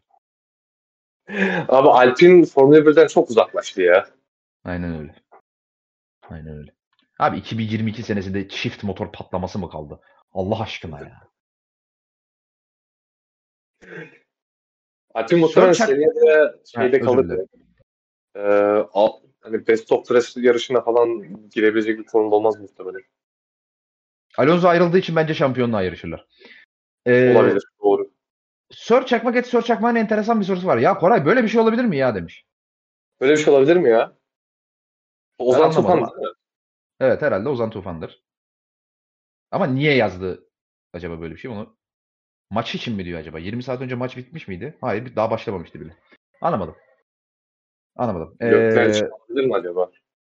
Dökler için dedi herhalde. O zaman biraz Dökler eleştir de Sör Çakmak dostumuzun gönlü kırılmasın. Abi Lökler ya şöyle bir sıkıntı var. Tamam Lökler bu sene yarışlardan çok koptu. Ferrari'nin yaptığı çok bir hatada bence çok doğal bir durum. Ama bundan önce de Ferrari bu kadar iyiyken Leclerc'in de özellikle Fransa'da gördük bunu. Tamam yapılır. Hata elbet olur. Her sezon sen bütün yarışlarda muhteşem süreceksin diye bir durum yok. Ama yani bence Leclerc'de şöyle bir sıkıntı var. Özellikle Ferrari de buna çok e, yönelmeye başladı. Lökler'in pilotluğu yakışıklılığının ön, önüne arka, arkasında kaldı. Yani eyvah eyvah. Bence bu çok ciddi bir sorun abi. Ya bu sezon evet çok fazla e, özellikle işte şampiyonluğun kop, şampiyonluk yarışının kopması vesaire tamam e, olay, olay olayın bakış açısı olaylara bakış açısı bayağı değişti. Şimdi sezon başında Löklerga ne kadar iyi sürüyor, çok iyi girdi sezona vesaire konuşulurken bir yanda durum yani Lökler ne kadar yarışıklı, çıplak çıplak fotoğraflar falan, videolar falan düşüyor. Ferrari yapıyor bunu. Hmm. Olayın rengi değişti. Leclerc. Ferrari full full zaten thirst trap takılıyor. Şampiyonu el, elden gittikten beri full thirst trap. Başka hiçbir tweet atmıyor. Evet abi, Çıplak bu, erkek. Böyle çok zararlı. Ya bakın fanlar bunu yapar. Ferrari evet Ferrari de yapsın çünkü buradan bir etkileşim geliyor Ferrari'ye. Ve Ferrari bunu çok fazla kullanmaya başladı. Bu Leclerc'e çok büyük zarar. Ya ben bunu geçenlerde Twitter'dan da yazdım. Ya evet yüzü çok güzel bir insan vesaire yakışıklı insan tamam abi güzel övün. Ama orada bir iş yapılırken öncelik orada olmalı. Pilotluğunun önüne geçmemeli bir durum ve şu an Leclerc'te bu durumlar bu Leclerc'in kariyerine çok büyük zarar olabilir bu şekilde devam ederse. Ve bu yani. aynı zamanda şuna da gebe. Hı hı. Yani Leclerc'in konsantrasyon şimdi farklı şeylerle uğraşıyorsun. Ferrari de farklı şeylerle uğraşıyor. Ama belki sadece Twitter, sosyal medya vesaire diyebilirsin ama ya bu çok basit bir şey gibi ama bence basit bir şey değil. Yani geçenlerde mesela şey çıktı. Sainz'la Leclerc'in bir fotoğrafı var. Bir stand kurmuşlar. O fotoğraflar önüne Sainz'la Leclerc geçip fotoğraf çekiliyor. Ama bakın Red Bull da böyle e, sosyal medya yönelik paylaşımlar çok fazla çıkartıyor ama Red Bull'un yaptıklarına dikkat edin. Ya bir tanıtım filmi yapıyorsa bunu ön plana çıkarıyor. Çok fazla. Ee, ya da ya bu tarz pilotları çok fazla ön plana çıkartacak ya da işte farklı yönlerini gösterecek bir şey yaparken bunu sezon yokken yapıyor. Sezon arasında ya da ne bileyim kış arasında vesaire. Ferrari bunu sezon devam ederken yapıyor. Bu çok zararlı. Ya bakın şeylerden de geliyor.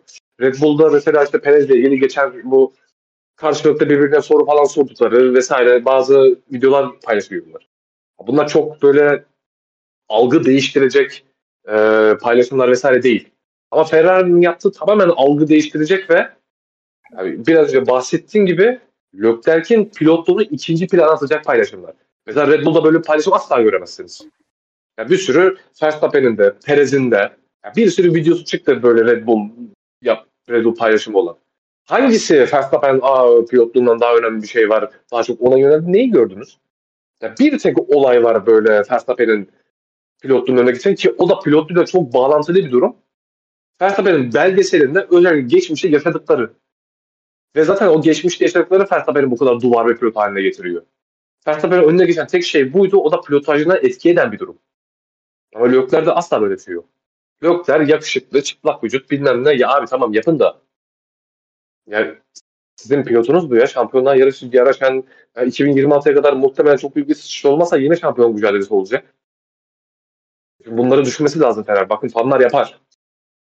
Ama fanların yapmasında bu kadar etkili, etkileşim için Ferrari'nin bu kadar algı kaydırması çok yanlış.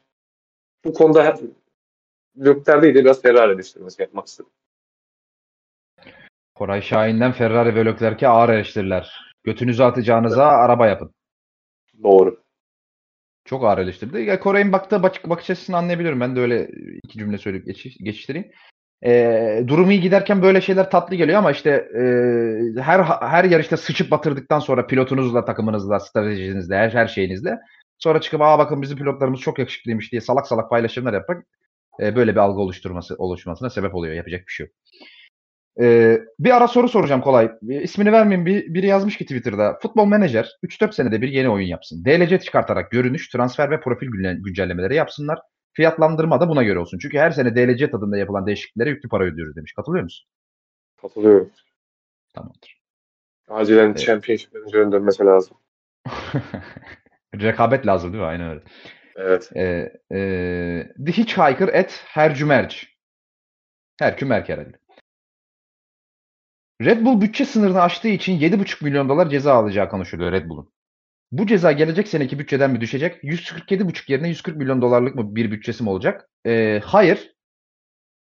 kurallarda yani en azından bize açıklanan kurallarda, bize okuyabildiğimiz kurallarda sportif cezaların bütçe e, takımlara ayrılan yıllık bütçeden düştüğü gibi bir açıklama, bir e, madde yok. Ben böyle bir şey göremedim. Tekrar çünkü baktım. Yok böyle bir şey yok. Büyük ihtimal olmayacak. Ha. Yok abi vardı der, derlerse de kendi bilecekleri işte onlar bilmiyorum. I miss Multi 21 Sep at Real Enigma is me. Bir Sebastian Vettel hayranı bir dostumuz. Hamilton yarışa hangi lastiklerle başlaması gerektiğini düşünüyordu sizce? Ha, bu Koray e, şey için soruldu yanlış an, anlamadıysam. E, size bu lastiklerin yanlış olduğunu söyledim. Beni dinlemediğiniz gibi bir şey dedi hatırlıyor musun?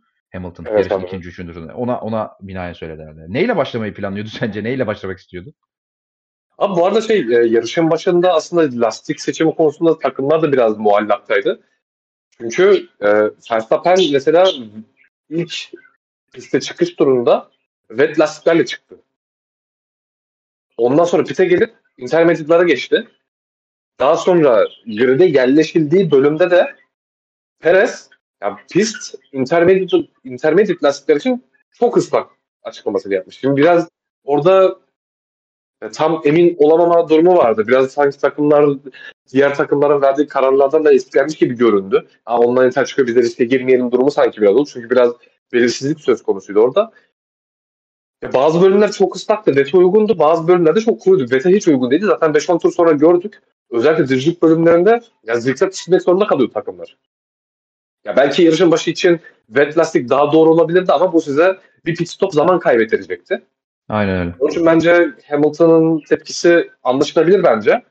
Ama yarışın işte e, ilerleyen turlarında 5-10 tur sonra diyelim hani Hamilton'ın tepkisi çok doğru değil çünkü ekstradan pit stop zamanı kaybedecekti.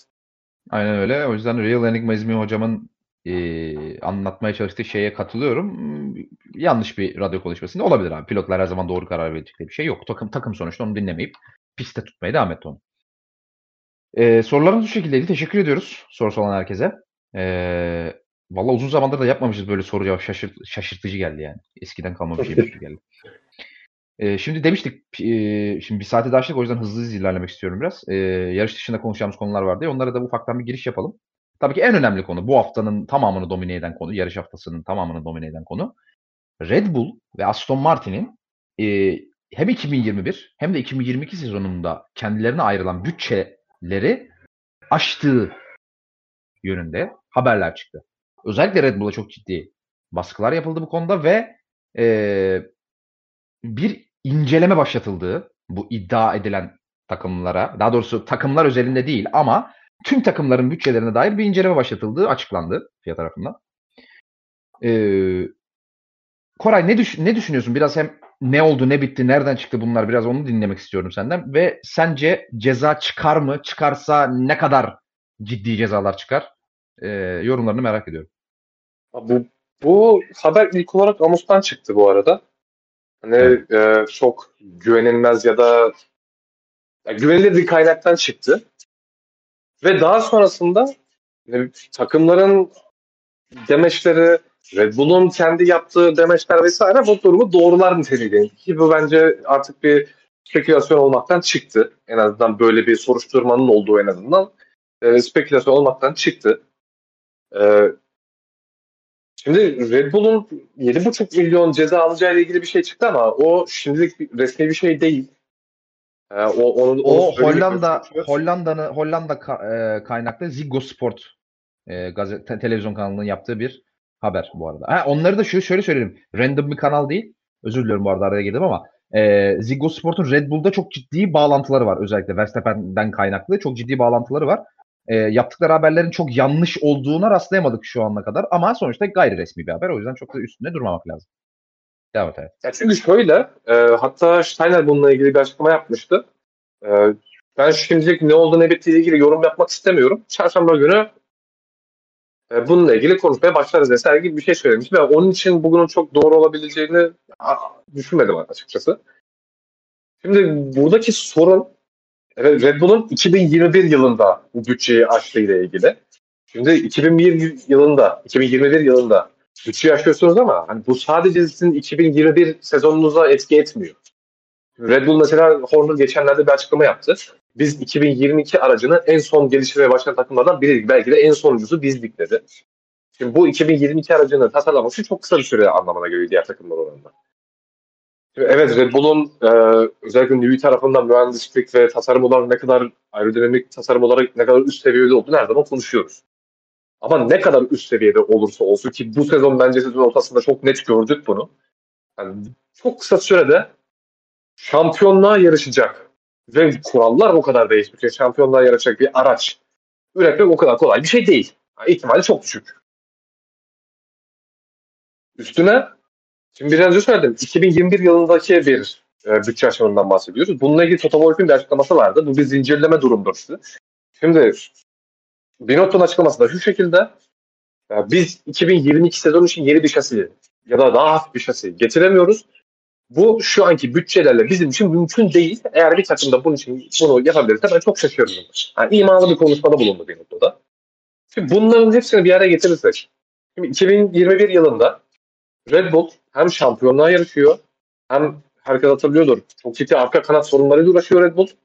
Aynı zamanda sezon ortalarında bir ön kanat problemi de yaşadı takımlar. Özellikle esneklik e, ben dolayı hem ön kanatta hem arka kanatta e, değişimlere gitti takımlar. Şimdi tasarım değişikliği yapıyorsunuz sezon ortasında. Araç geliştirmeye devam ediyorsunuz. Ve ilk kez bütçe sınırıyla karşı karşıyasınız. E, doğal olarak bir e, hem duruma adapt duruma adapte olmakta biraz zorlanabilirsiniz. Çok normal. Zaten e, 2021 sezonu için ya bazı esnekliklerin olabileceğini söylemişti ilk sezon olduğu için. Toto Wolff'un açıklamasından da şuna gidiyor. Red Bull 2021'de pilot pilotlar şampiyonluğunu aldı. E, takımlarda ikinciliği aldı. E, daha fazla bütçe kullanarak e, 2022 aracını tasarlayabildi. 2022'ye gelindi ve sezon başında 820 kilo olduğu konuşuluyordu sezon öncesi testlerde Red Bull'un. Diğer takımlar 810 bandındayken bazı takımlar çok daha altındayken Red Bull 820 kilo olduğu söyleniyordu. Hatta sezon ortasında 810'lara 805'lere falan düştüğü söylendi. Yani zaten sezon başından beri hem Toto Wolff'tan hem Binotto'dan bunlarla ilgili açıklama geldi. Yani evet siz hafiflemeye çalışıyorsunuz ama bu çok maliyetli bir durum. Şu an tam olarak verdiği rakam hatırlamıyorum ama bayağı maliyetli bir şey olduğundan bahsettiler. E, sezon başında beri bununla beraber Red Bull'un bütçe sınırı ile ilgili e, itirazları, işte enflasyondan dolayı bizim planlarımız artık birbirine tutmuyor, bunun yükselmesi lazım vesaire. Yani çok uzun süre bunun üzerine gitmiş Red Bull. Bu da elde bir veri. Daha sonra yükseltildi. Ee, Red Bull yanlış hatırlamıyorsam yine bunu e, az bulmuştu yükseltimi. Şimdi bu, bunlarla beraber aynı zamanda 2022 aracını da geliştiriyor. E şimdi yeni kurallar. Her şey tamamen tasarlanıyor. Ve doğal olarak daha fazla maliyetin ortaya çıkması çok doğal ve yani olma ihtimali çok yüksek bir şey. Ki Red Bull bunu özellikle ağırlık konusunda yaşadı. Ön tarafta arka kanatta, arka tarafta araç çok dengesizdi sezon ortasına kadar. Şimdi bunları da çözmesi gerekiyordu. E şimdi bunların hepsi ekstradan maliyet aynı zamanda Red Bull gelişmeye devam ediyor. Sezon içi güncellemelerini getirmeye devam ediyor. Sezon başında iki yarışı kaybetti. Çok elinde olmayan problemlerden dolayı işte futbol tasarrularından dolayı. Ve bununla beraber Red Bull'un 2023 yılında çok hafif bir şasi ürettiği spekülasyonlar do- dolanıyor son bir aydır. Toto Wolff'un açıklaması şuradan doğru. Şimdi Red Bull 2021 yılında bütçeyi açtı. Hem 2021 aracında hız koruyabildi hem işte sorunları çözebildi hem de 2022 sezonuna hazırlanabildi. 2022 sezonuna hazırlanabildi. Daha fazla elinde veri verdi. Daha iyi parçalar elde etmiş oldu. Bununla beraber 2023 sezonunda da bahsedilen şasiyi üretebilecek konuma geldi. Şimdi eğer bu ceza bu %5'in altında ve %5'in üstünde olma durumları var ve bunların hepsinin hafifletici unsurları var. Direktörlerde, direktiflerde. Şimdi bahsedilen %5'in altında olursa yani tamamen fazla harcama hani nasıl nasıl söyleyebilirim? Yani küçük bir ihlal olduğu için çok büyük cezalar verilmiyor. Hani atıyorum puan cezası gelebiliyor. Ee, rüzgar testi kısıtlama cezası gelebiliyor. Puan cezaları, işte maliyet cezaları vesaire bu tarz cezalar gelebiliyor ama hani bunlar yani çok fazla sezonu değiştirebilecek ya da nasıl söyleyeyim bir takım çok fazla aşağı çeken cezalar cezalar olmayacak. %5'lik dilim içindeyse içindeyse %5'in üstündeyse bu sefer yarıştan ben büyük para cezaları e, sadece şey değil takımlar şampiyonası değil sürücüler takımlar şampiyonasından hem puan düşürme hem aşamalı durumuna göre men cezası gelebilir gibi cezalar var. Aynı zamanda işte e, rüzgar testleri, geliştirme sınırlaması, işte atıyorum 140 milyonluk bütçe varsa onun 130 milyon veya o civarda bir şeylere düşürülmesi. Artık verilen kararlarda değişiyor. Bu tarz cezalar var. Şimdi bir de hafifletici unsurlar var bununla beraber. Hafifletici unsurlar ise yani mesela bahsedilen enflasyon durumu ya hafifletici, hafifletici bir unsur ki hani bu Red Bull sezon başından beri bunu söylüyor olması bence Red Bull'un bu konuda elini en çok kuvvetlendiren şeylerden biri ki zaten dünyadaki ekonomik durum da belli ortada. Her şeyin maliyeti artıyor. Yani sadece bu yakıt vesaire değil. Bütün parça gelişimlerinde sizin kullandığınız parçalarda vesaire her şeyde e, daha fazla maliyet demek. Bu tek bir e, çatı altında değil. Yani bütün etmenlerde, bütün parçalarda, bütün departmanlarda bu sorun olduğu için yani çok çok daha fazla yani maliyeli sorunlar ortaya çıkıyor. E şimdi böyle bir şey olması çok hafifletici duruyor. Hani şöyle söyleyeyim. Atıyorum %5'lik dilimi geçti Red Bull. Yani bu %70, %5'lik dilimi çok büyük oranda geçmediyse ben çok büyük cezaların çıkacağını zannetmiyorum. Yani çünkü Red Bull'un savunması e, buna çok uygun. Diyorum işte bir de e, ağırlaştırıcı faktörler var. Eğer işte e, kağıt üstünde oynamalar, sahtekarlık gibi vesaire durumlar olursa bu da tamamen Red Bull'un bu sezonlarını silecek etmenler olacaktır muhtemelen. Ama ben öyle bir şey çıkacağını çok fazla zannetmiyorum. Ve en son çıkan haberlerde de e, %5'lik sınır yaklaşık 7.25 milyon dolara denk geliyor harcama limitinde. Red Bull'un da 10 milyon dolar civarı bir harcama yaptığı söylüyor 2021 yılında. Yani ben bu durumun çok fazla Red Bull'u işte puan silinme, ya puan silme belki olabilir ama şampiyonadan men edilme gibi bir durum olacağını ben hiç zannetmiyorum. Ben hem 2021 yıl için hem 2022 yıl için. Ee, para cezası da bence çok mantıklı bir şey değil. Yani çünkü hatta bunu e, Jos Capito muydu Williams'ın sahibi? O söylemişti. Evet, evet, evet, evet. O da işte hani siz zaten daha fazla para harcamışsınız bir ara, bir sezon ve daha sonra sezonlara avantaj sağlamışsınız bu şekilde. Yani bunun üstüne para cezasıyla cezalandırmak çok mantıklı iş. Ceza sportif olmalı demişti. Bence çok mantıklı bir demeç bu. Yani ben atıyorum işte 7,5 milyon dolarlık bir cezadan bahsediliyor. Yani ben bu eğer böyle bir şey, böyle bir ceza verilecekse biraz önce bir arkadaş sormuştu ve bunun e, kurallarda herhangi bir yönetmeliği yok işte eğer böyle bir ceza verilecekse biz bu sene sizin gelecek sezon ya da işte hangi sezonlar için olacaksa bütçelerin sizden düşecek bir ibare yok. Eğer bir para cezası verilecekse atıyorum 140 milyonsa bütçe sınırı 130 milyona düşürülmeli. Eğer bir ceza verilecekse böyle verilmeli. E, aerodinamik olarak işte rüzgar tünelinde vesaire e, burada çalışma saatlerinin kısıtlanması mantıklı olabilir.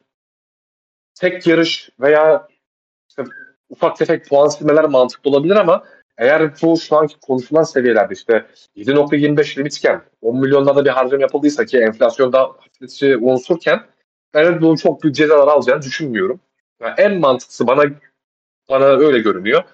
E, aerodinamik sınırlamalar, e, bütçe limitinde azaltma şu an bence Red Bull'un en alabilir görünen cezalar benim için bu şekilde. Ağzına sağlık hayatım. Teşekkür ediyorum. Ee, çok kısa Koray'ın bahsettiği kuralları ben de üzerinden geçeyim. Kurallarda ne yazıyor? Şimdi iki, iki farklı durum var arkadaşlar. Bütçe sınırının aşılması ile ilgili, takımların bütçe sınırının aşması ile ilgili. Bir, %5'in altında bir aşılma. Bir de %5'in üstünde bir aşılma. Bu iki durum farklı olarak değerlendiriyor. %5'in altındaki aşılmalar daha minör bir ihlal olduğu için daha minör cezalar veriliyor tahmin edebileceğiniz üzere. Ama %5'in üzerinde oranda bir aşılma olduğu zaman bütçede bu majör bir ihlal oluyor ve burada verilebilecek potansiyel cezalar kurallarda şu şekilde. 5 farklı ceza var potansiyel ve bunlardan bir veya birden fazlası uygulanabilir. Böyle bir hakkı var FIA'nın. Bu cezalar şu şekilde. 1. Takımlar ve veya pilotlar şampiyonasında puan cezası uygulanması, puan kesintisi uygulanması. 2. bir veya daha fazla yarıştan men edilme cezası uygulanması. Üç, Koray'ın da az önce bahsettiği gibi aerodinamik testlerde, rüzgar tüneli testlerinde vesaire sınırlamaya maruz kalması takımın. Dört, büt, takımın bütçe limitinin diğer takımlardan daha aşağı bir orana indirilmesi. Örneğin diğer takımlara 140 milyonsa e, ihlale uğrayan takıma 100 milyona indirilmesi, 120 milyona indirilmesi vesaire. 5. Takımlar şampiyonasından komple men edilmesi. %5 oranından daha fazla bir yani FIA tarafından majör e, olarak kabul edilen bir ihlal olduğu zaman verilecek cezalar bu şekilde. Bunlar tabii ki çok ciddi cezalar yani. Her biri Red Bull'un hem bu senesini hem gelecek senesini ciddi oranda etkileyebilecek cezalar. E, yani öyle bir durum var ki hani takımlar veya pilotlar şampiyonasından puan kesintisi aralarında büyük ihtimal Red Bull'u en az etkileyecek olan şu anki duruma bakıldığı zaman ki ne kadar ciddi bir ceza, ceza olursa olsun. Çünkü diğer durumlarda yani işte yarışlardan men, aerodinamik e, aerodinamik testlerinde kısıtlama, bütçe limitinde kısıtlama, takımlar şampiyonasından men vesaire bunların hepsi çok çok çok daha ciddi oranda etkileyebilecek şeyler. Yani puan silinme cezası uygulanmasını Red Bull bunların hepsini tercih edecektir diye tahmin ediyorum. Ama dediğimiz gibi bunlar %5'ten daha fazla bir oranda eğer bir ihlal gerçekleştiyse bütçe sınırlamasında. %5'in altında para cezası veya sadece kınama bile verip geçebiliyor FIA'nın böyle bir yetkisi var. Ee, şimdi kimi iddialar Koray'ın dediği gibi daha fazla olduğu yönünde %5'ten, kimi iddialar daha az olduğu yönünde, kimi iddia var 2021'de %5'ten daha fazla ama 2022'de %5'ten daha az bir ihlal var deniyor. Her şey çok karışık şu anda. Her ağızdan bir ses çıkıyor. Ne olduğunu bilemiyoruz ama göründüğü gibi Koray da çok güzel anlattı zaten olabilecekleri e, Red Bull eğer majör bir ihlal yapmışsa ciddi bir cezayla karşı karşıya kalabilir. Hep beraber ne olacağını göreceğiz. Tekrar teşekkür ediyorum Koraycığım. Ee, ne demek? için. Ee, bir sonraki konumuza geçmek istiyorum hızlıca. Yine çok konuşulan, son bir ayın en çok konuşulan konularından bir tanesi. Olması gereken, oldu diye bakılan bir şey ama olmadı. Red Bull'un Porsche ile yapacağı motor ve veya işte sahiplik anlaşması olmayacak arkadaşlar. İki taraf da bunun olmayacağını doğruladı ve e, imza aşamasına gelen e, görüşmeler olumsuz sonuçlandı. Bunun olumsuz sonuçlanması ile ilgili tabii ki iki tarafta açık açık söylemedi hiçbir şeyi ama çıkan haberler şu yönde. Onları açıklayayım biraz. E, şimdi normalde Porsche ile Red Bull'un anlaştığı haberleri ilk geldiği zaman bundan birkaç ay önce e, şu şekilde çıkmıştı haberler. %50-50 bir ortaklık olacak Red Bull'un Formula 1 takımı üzerinde. Haber buydu. Bakın %49.9 %50.1 demiyorum. %50-50 eşit. Şimdi burada tabii ki bazı soru işaretleri çıkmıştı ortaya hepimizde. Yani nasıl olacak ki? Yani e, ikisinde eşit hakkı mı olacak? Nasıl olacak falan. Hani bazı haberler Red Bull'un yine de işte e, söz hakkında daha fazla sahip olacağı yönündeydi. Kimi haberler Porsche'nin söz hakkının daha fazla olacağı yönündeydi. Kimi haberlerde işte biraz daha detaya gidilmişti. İlk başta anlaşma %50-50 olsa bile e, ilerleyen senelerde seneler ilerledikçe Porsche'nin Red Bull'un takım Red Bull takımının tamamına sahip olacağı yönünde haberler çıkmıştı vesaire. Ama farklı farklı haberler ama hepsinin ortak noktası ilk aşamada anlaşmanın %50-50 sahiplik üzerine olacağı yönündeydi ve tabii ki Porsche'nin de Red Bull'a motor tedarik etmesi üzerine olacağı yönündeydi. İlk anlaşma bu şekildeydi. Ancak daha sonra işte olumsuz olduğu yönünde, ilerle, anlaşmanın e, olumsuz sonuçlandığı yönünde haberler gelince tabii ki yine aynı haberi yapan insan e, kaynaklar, %50-50 haberini yapan kaynaklar bu %50-50'yi Red Bull'un ve veya Porsche'nin kabul etmediği e, ve anlaşmaların bu sebepten dolayı e, olumsuz sonuçlandığı yönünde haberler yaptı aynı kaynaklar. Yani şu an dönüp baktığımızda bu e, görüşmelerin olumsuz sonuçlanmasının sebebi olarak Red Bull'la Porsche'nin takımdaki söz hakkının hangi tarafta olacağına dair bir anlaşmazlığa, anlaşmazlığa düşmüş olması ve bu anlaşmazlığın çözülememesi iki tarafında geri adım atmaması sebebiyle bu görüşmelerin olumsuz sonuçlandığı görülüyor. Ee, tabii bunun bazı sonuçları oldu. Çünkü Red Bull'un bir kere Porsche ile böyle bir anlaşmaya sıcak bakmasının en büyük sebebi Red Bull Powertrains adı altında kendi motorunu, kendi güç ünitesini üretmeye e, yolunu seçmesinin Red Bull'un bir zorunluluktan kaynaklandığı her ne kadar Red Bull bunu kabul etmese de ve Red Bull'un uzun vadede bu yöntemle başarılı olamayacaklarını düşünmesi sebebiyle Red Bull böyle bir arayışa ve Porsche'nin böyle bir teklifine sıcak bakması e, söz konusu olmuştu. E, şunu da kabul etmek gerek. Hep söylüyoruz bunu. Red Bull Powertrains adını verdikleri şey aslında Honda arkadaşlar. Yani özellikle şu anki motor ve 2023 senesinde kullanacak olan motor Honda'nın geliştirdiği ve Honda'nın bizzat kendi inisiyatifiyle her ne kadar Formula 1'den ismen ayrılmış olsa bile kendi mühendislerine Red Bull Powertrains'e destek vermek amacıyla ve hatta motorun e, motor dizaynının neredeyse tamamını e, supervise etmek koşuluyla Honda'nın Formula 1'den ayrıldığını biliyoruz. Ama bu tabii ki seneler ilerledikçe böyle olmayacak. 2024, 2025, 2026'da böyle olmayacaktı ve Red Bull kendi motorunu Honda'dan da yardım almadan kendi kendine yapmak zorunda kalacaktı. Ee, ve bu konuda bazı yatırımlar da yaptı biliyorsunuz. İşte hem Mercedes motor departmanından hem Ferrari motor departmanından hem e, hem Renault'un motor departmanından çok fazla transfer gerçekleştirdi. Bu transferlerin sayısının yüz, yüzün üzerinde olduğunu biz biliyoruz. Ama herhalde bu şekilde bir e, atılımında çok fazla onlara şampiyonluk konusunda yardımcı olmayacağını düşünürler ki haklılar. Kendi fikrim onu da söyleyeyim. Yani sıfırdan hiç yapmadığınız bir e, şey bile yani Red Bull'un hiç yapmadığı bir şey motor yapmak. Sıfırdan böyle bir şeye geçmek gerçekten çok ciddi. Hem maliyet olarak hem de performans olarak, başarı olarak çok ciddi anlamda onları zorlayabilirdi. E, yıllar sürebilirdi Ferrari motorunu, Mercedes motorunu veya Alpine motorunu yakalamaları, Renault motorunu yakalamaları. Ve bunu tercih etmiyorlardı. Porsche de, deal'ı da dediğimiz gibi bu yüzden çok sıcak bak, e, bak Porsche deal'ına bu yüzden çok sıcak bakıyorlardı. Ama şimdi bu olmadı. Hemen ardından şöyle haberler çıktı. Honda Red Bull'la tekrar bir anlaşma yapmak, yapmaya sıcak bakıyor haberleri çıktı. Medya bunlar servis edildi. Tabii ki bunlar götten uydurma haberler değildi. Honda tarafının servis ettiği haberler bunlar. Çok net bir şekilde bu yani. Ve bundan yaklaşık 3 hafta önce de bu iddiaları doğrulayan bir açıklama geldi Red Bull cephesinden. Tabii ki tahmin ettiğiniz üzere Helmut Marko'dan geldi bu açıklamalar. Kim olacaktı başka? Ve Helmut Marko dedi ki evet doğru Honda bizimle tekrar motor tedarikçisi olarak anlaşma yapmaya çok sıcak bakıyor. Ama hala görüşmelerimiz sürüyor. Olumlu olup olmayacağını hep beraber göreceğiz dedi. Şimdi Helmut Marko biliyorsunuz yalan söylemeyi pek beceremeyen ve ağzından çık her şeyi söyleyen yani ağzına geleni söyleyen bir adamdır. Burada söylediği şey çok şu çok kritik. Honda tekrar bizle e, motor tedarikçisi olarak anlaşma yapmaya sıcak bakıyor dedi. Yani kendilerinin böyle bir girişimi yokmuş da sanki Honda e, onlara böyle bir e, teklifle gelmiş gibi bir açıklama yaptı. Honda cephesinden böyle bir yalanlama gelmedi tabii ki. Yani sonuçta anlaşmalar devam ediyor. Böyle bir e, ters bir açıklama yapmak istemez şu anda Red Bull'a. Ama şahsi fikrimi söyleyeyim. Ben Honda'nın burada ittiren taraf olduğuna inanmıyorum. Bence burada ittiren taraf kesinlikle Red Bull'dur. Çünkü az önce de saydığım sebeplerden dolayı şu anda bir motor tedarikçisine ihtiyaçları var. Üstelik Honda gibi bu işi artık yalamış yutmuş Formula 1'in son iki senesinin en azından net bir şekilde iki senesinin en iyi motorunu yapan e, tedarikçiyle ve zaten aralarının araları iyi olan bir tedarikçiyle neden devam etmek istemesinler? Tabii ki isterler. E, bence burada asıl ittiren taraf, asıl itici güç Red Bull. Ha Honda sıcak bakacak mı? Hep beraber göreceğiz. Ben bakacağına inanıyorum. Çünkü zaten pişman olmuşlardı. Biliyorsunuz for, e, Formula 1'den çık, çıkma kararlarına. Çünkü Formula 1'den çıkma kararını açıkladıkları sene şampiyon oldular. 2020 senesinin başında açıkladılar bu karar. Daha doğrusu 2020'nin sonunda. Ya 2020'nin ortasında açıkladılar ama 2020'nin sonunda bu karar resmi olarak verildi. Ve 2020'nin sonunda bırakacağız dediler. Adamlar 2021'in sonunda şampiyon oldular. Ve daha sonra 2021 sezonu için de Red Bull motorunun Honda ismiyle anılması kararını Honda aldırttı.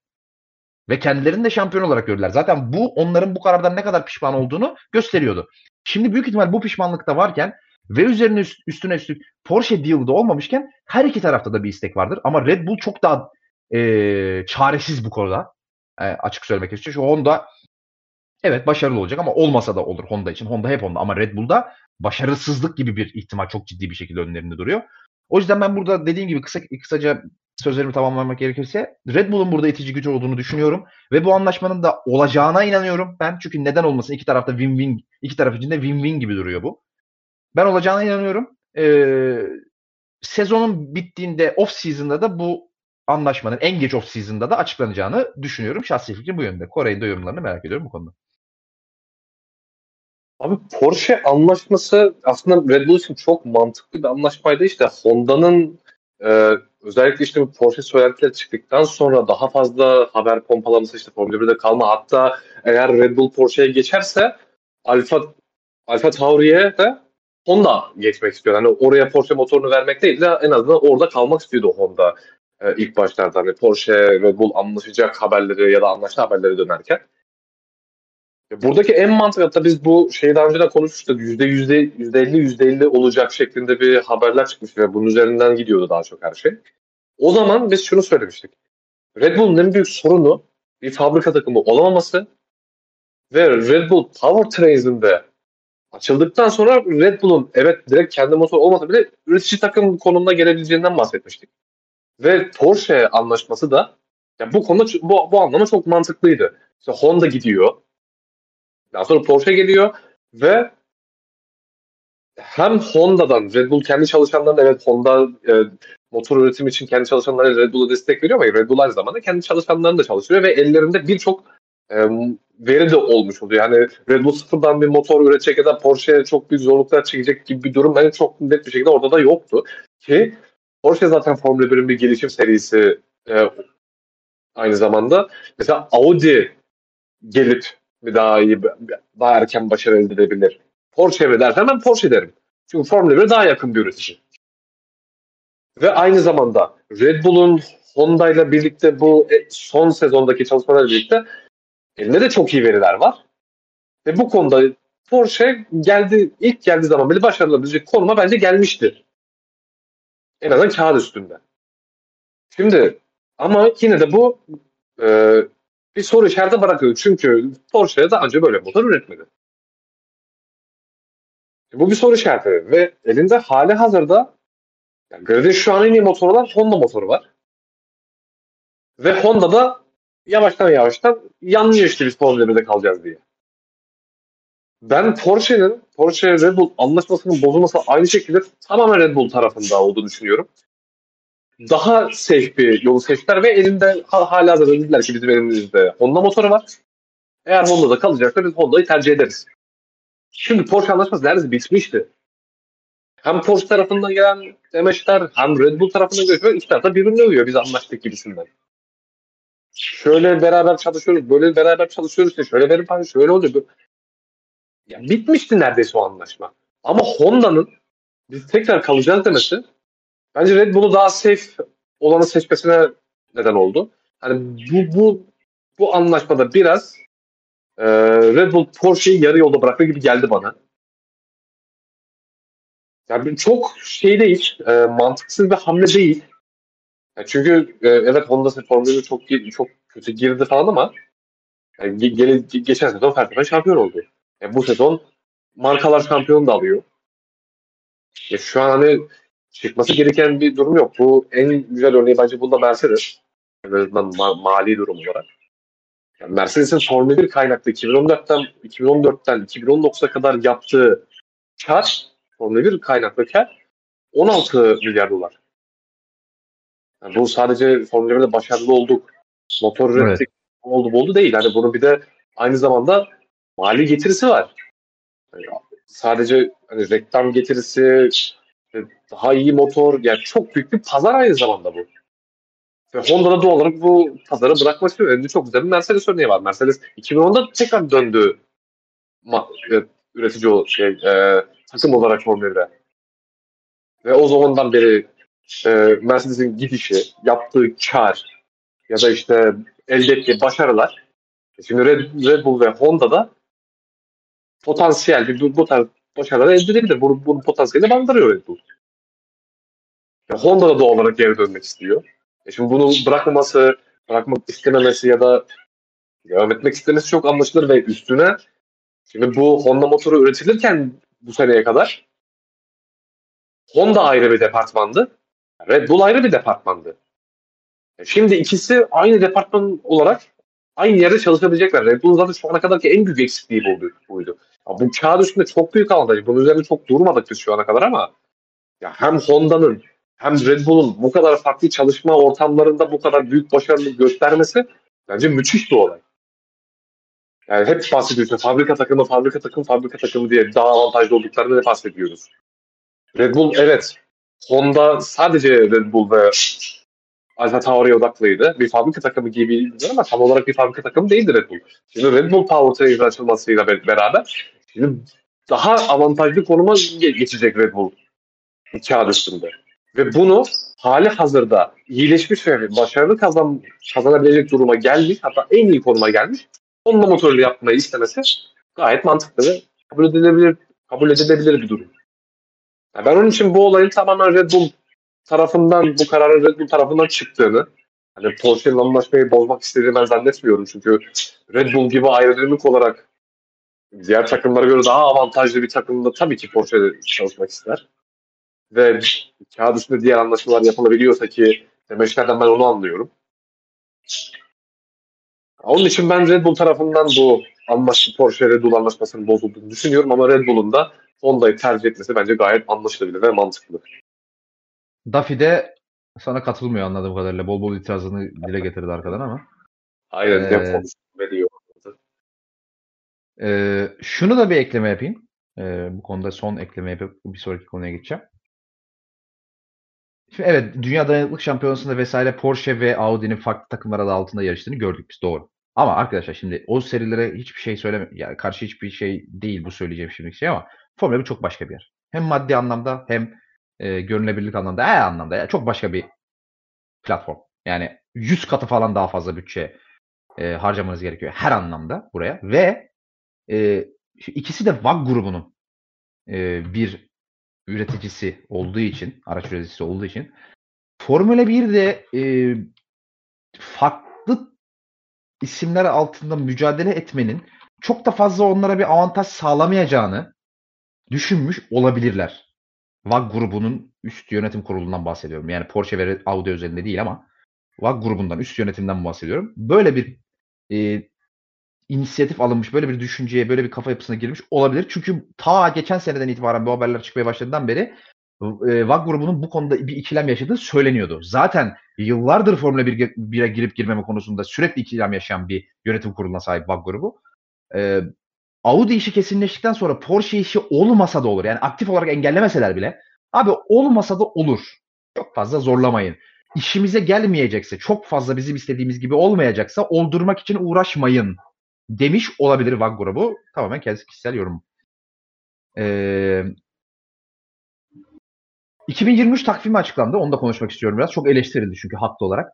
Kendi eleştirilerimi söyleyeyim önce. Tabii ki o e, yapılacak çok fazla işte ya saçma bir takvim yapısı var orada. Çok fazla yol yapacak hem pilotlar hem işte e, takım ya takım çalışanlarının tamamı çok çok fazla yol yapmak zorunda kalacak. Tam rakam vereyim. Sezonun başlangıcından bitişine kadar tam bitişine kadar tam 133.735 kilometre e, uçak yolculuğu veya otobüs yolculuğu yapmış olacak e, takım çalışanları. Rezalet, korkunç bir şey yani bu. Toplam 24 yarış olacak. E, ilk defa yarışılacak olan tek pist var Las Vegas. 23. sezonun sonundan ikinci yarışı. Sezonu Abu Dhabi'de tamamlıyoruz. E, her zaman olduğu gibi tabii ki. E, benim en büyük hayal kırıklığım da Almanya'nın yine olmaması. E, yani hiç anlayamadığım bir şeydir Almanya. iki tane çok iyi pisti varken üstelik Nürburgring gibi muhteşem bir pisti varken nasıl oluyor da Almanya e, takvime sokulamıyor? Kimse sorumluları Allah belasını versin diyorum hakikaten yani. Çok sinir olduğum bir şey yıllardır. Fransa Grand Prix'si seneye olmayacak. E, bu seneki eksiklerden bir tanesi. E, e, Rusya Grand Prix'si yine aynı şekilde olmayacak. Sebebini biliyorsunuz zaten. Eee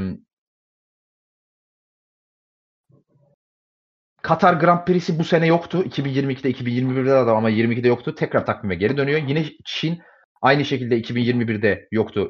İki, özür diliyorum 2022'de yoktu. 2023'te e, tekrar takvime geri dönüyor. E, bu şekilde. Takvim bu şekilde. 24 yarış olacak dediğimiz gibi eğer bir eksilmeler vesaire bir şey olmazsa Türkiye tabii ki yok. Ne, ne düşünüyorsun Koray e, takvim, takvim konusunda ve yapılan eleştiriler konusunda? Abi ya bu sen biraz önce mesafeden 133, 133 bin kilometre dedin değil mi? Evet. Ya şimdi bu kadar karbon salınımı azaltalım. Tabii tabii tabii. Maliyetleri tabii. düşürelim. Denen bir yerde hani bu kadar dengesiz bir takvim oluşturması bence bir soru işareti. Ama işte şu da var. Şimdi yeni gelen pistler vesaire işte modernize ediyoruz. Bunun altına sığınarak daha fazla para kazanma derdine Formula Zaten şu an yeni gelen pistler genelde bu amaç için geliyor. Ya onun için burada bir çelişki var ama dediğim gibi benim, benim kesinlikle böyle nasıl olur diye eleştireceğim bir durum bence değil. Çünkü özellikle pandemi döneminden sonra Formula 1 bu sezon iki kez kar etmeye başladı. Hatta sezon ortasında yanlış hatırlamıyorsam karını yapmaya başladı Formula 1 ve hani daha fazla para kazandıran pistler evet anlaşılabilir ama hani daha önce de konuştuk Formula 1'in ruhuna bence tamamen aykırı. Mesela Las Vegas. Yani bazı bazıları bazıları çok hype'landı, bazıları çok eleştirdi. Ya yani ben açıkçası çok Formula 1'e uygun bulduğum bir şey değil. Ama işte hani Formula 1'in de yap, yaptığı şey bu. Yani modernize etmeye çalışmak, biraz daha işin eğlence kısmını ön plana çıkartmak vesaire. Bunları söyleyeyim. Yani benim aşırı derecede eleştireceğim bir durum yok ama 24 yarış bir sezonda çok fazla. Yani en çok eleştireceğim nokta bu. Yani çünkü yani bu sadece işte takımların yol masrafları vesaire için değil. Bu aynı zamanda fabrika olsun, e, işte yarış hafta sonlarına gelen çal, çalışanlar olsun, fabrika çalışanlar olsun herkesi etkileyen ve herkesi çok sıkıştıran bir durumda. Hatta Alonso'nun e, bu sezon ortalarında yanlış bilmiyorsam bir demeci vardı. Hani o kadar çok yarış, o kadar çok hafta sonları üst üste yarışa gidiyoruz ki hani ailelerimizden, sevdiklerimizden uzak kalıyoruz tarzı bir yani tamam bu cümleleri kullanmam. Bu tarz bir açıklaması vardı. Yani bence çok doğru bir açıklama. Yani çok fazla bir yoğunluk var. Hem takvim hem de çalışanlar üzerinde. Çalışanlara da olarak etkileyen bir yoğunluk var. Ben bu yoğunluğu eleştireceğim. Hani 24 yarış bir Formula 1 sezonu için bence çok fazla. Ve bunun sezon öncesi testi var bu arada. Evet. Yani o kadar yarış yapıyorsun. Sezon testi yeni sezona hazırlanman daha kısıtlı oluyor. E, doğal olarak daha fazla bütçe harcıyorsun daha fazla yere gittiğin için. Ya bunların hepsi bence olumsuz etken. Ya ben her zaman söylüyorum 18 yarış hatta en fazla 20 yarış bence Formula 1 takvimi için çok ideal bir sayı. Yani 24 yarış çok fazla. Hatta bunun bu sezon içinde artabileceği de söyleniyor. Hatta bir ara 30 yarış falan söyleniyordu. Umarım böyle evet, bir şey olmaz ki bana çok Domin- gelmiyor. Bizzat Formula 1 CEO'su Domenicali 30 yarışa çıkarma gibi bir hedefimiz var ileride dedi. Ya bu bence çok mantıklı ve iyi bir strateji değil 30 yarışa çıkartmak. Yani 24 yarış bile çok fazla. Ya şeylere tam bakmadım ee, üst üste yarışlara ama ya bu sezon mesela ikinci kez üst üste 3 yarış mı olacak? İki kere mi vardı? İki, iki kere üst üste 3 yarış oldu evet. Şimdi bu, bu sezon 22 yarış var. Evet. Şimdi seneye 24 yarış var. Biraz daha sıkışacak takvim. Yani bu çok doğru bir yapılama değil bence. Yani 24 yarış çok fazla. Hadi takımların evet. vesaire durumunu vesaire geçtim. Araç gelişimini kısıtlaması vesaire hepsini geçtim. Bu direkt olarak takıma işte fabrikada olsun, yarışa gelen garaj çalışanları da olsun hepsinin ailesiyle vesaire ya da kendi özel kendine ayıracağı zamanların kısıtlanması anlamına geliyor. Yani ben, bence çok doğru bir yapılama değil.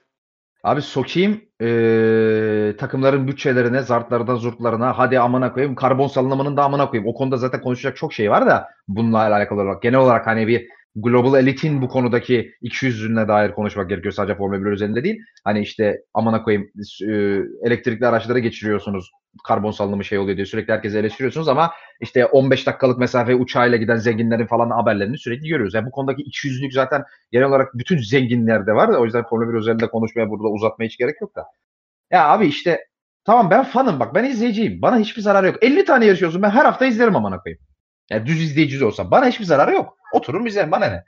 Ama ya abi pilotuna da sokayım. Alonso demiş ya işte ki ben benim ne kadar Alonso'cu olduğumu herkes bilir herhalde podcast'inden. Bak Alonso demiş ya işte ailemizden ziyade.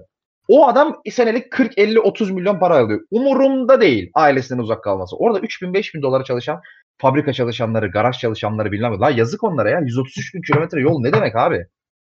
Ya 133 bin kilometre ne demek ya? Bu adam ne para alıyor ki bu kadar yolu gidecek bu adam zaten? Ya yazık günah değil mi abi? 3 kuruş paraya çalıştırdın fabrika çalışanlarını saatlerce çalışıyorlar falan. Ne gerek var ya? Şimdi biz böyle söyle bak eskiden şöyle eleştirdik. Formula 1 bir Avrupa sporudur. Avrupa özelinde olmalıdır. Şimdi bak bu saçma. Saçma. Şu an dönüp baktığın zaman saçma. Evet, yani öyle şey mi öyle? Yani Avrupa, pro Avrupacılık yapmaya gerek yok. Her yerde yaşanabilir. Ama işte ne oluyor biliyor musun? Adamı kaldır mesela şimdi 2023 takvim benim önümde. Adamı kaldırıyorsun bak Miami'den bak Bakü'de bak. Beşinci yarış Bakü. Ha, hatta bir öncekine gideyim bak. Dö- Hadi Albert Park'tan Şangay. Çok bir şey yok. Albert Park 3. yarış. 4. yarış Şangay. Çin'desin. Çin'den kalkıyorsun adamı Bakü'ye getiriyorsun. Bakü'den kaldırıp Miami'ye getiriyorsun. Miami'den kaldırıp Imola'ya. İtalya'ya getiriyorsun. Şeye. San Marino'ya. E, abi yazık günah. Bunların hepsi bir, bir, arka arkaya. Bak tekrar söylüyorum. Çin, Bakü, Miami, San Marino. Imola. Arka arkaya bunlar. Yani abi bu adam iki ay yok mesela ailesinin yanında. Üç tane farklı kıta ya. Ya yazık günah abi böyle bir şey olabilir mi yani? Bak geri dönüyorum hadi Avrupa sezonunu da bitiriyorum. Avrupa sezonunu. Suzuka Japonya tamam sıkıntı yok. Bak Japonya'dan kalktın Katar'a. Katar'dan kalktın Amerika'ya, Teksas'a. Teksas'tan Meksiko bir şey yok. Meksika. Oradan Brezilya'ya indin. Oradan te- tekrar yukarı çıktın. Amerika'ya sondan ikinci yarış. Belki şampiyonluğun en, en kritik yarışlarından bir tanesi olacak eğer kalırsa oraya. Amerika'da kaldırdın Abu Dhabi'ye. Hop bir daha Orta Asya. Abi böyle böyle olmaz. Ya yapacaksan o zaman ne yapacağım biliyor musun? Asya, Asya ile başlatacaksın. Asya kıtasıyla başlatacaksın.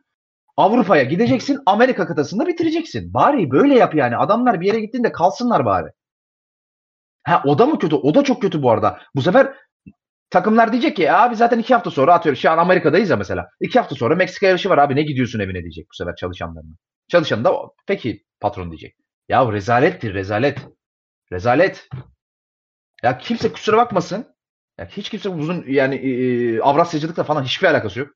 E, böyle bir ideolojiye sahip olma, olmadığımı söylememe gerek yoktur herhalde. E, ama abi sen Avrupa'nın dışına minimal oranda çıkacaksın yani. F1 1 F1 olarak senin yapacağın başka bir şey yok ama bu kadar fazla Avrupa dışına çıkamazsın abi. Bu adamların da canı var. Yazık ya. Yazık yani. Ki bak daha ben ben ne kadar bak bir Grand Prix de saydım yani daha olması gereken. Almanya mesela yok. Olsa 25 olacak. Türkiye istiyorsunuz. Türkiye olsa 26 olacak. Yazık günah abi yani. Amerika'ya 3 tane yarış koyuyorsun. Abu Dhabi'ye yarış koyuyorsun. Suudi Arabistan'a yarış koyuyorsun. Katar'a yarış koyuyorsun. Bir sürü Arap ülkesi. Yani kıta olarak söylüyorum. Milliyetiyle alakalı bir şey söylemiyorum. Kıta olarak. Bahreyn'e yarış koyuyorsun. Sırf paraları var diye hepsi. Her her Orta Asya ülkesine bir yarış koyuyorsun. Orta Doğu özür diliyorum. Her Orta Doğu ülkesine bir yarış koyuyorsun. Para var diye. Olmaz. Üç tane Amerika koyuyorsun. Olmaz. Çıkar abi. iki tane Amerika çıkartacaksın. Bir tane diyeceksin. Orta Doğu'da bir tane vereceksin. Düştün 19'a zaten. Avrupa'da da fazlalığı çıkar. Hiçbir ülkede bir tane daha fazla olmasın. Sallıyorum sana şu anda.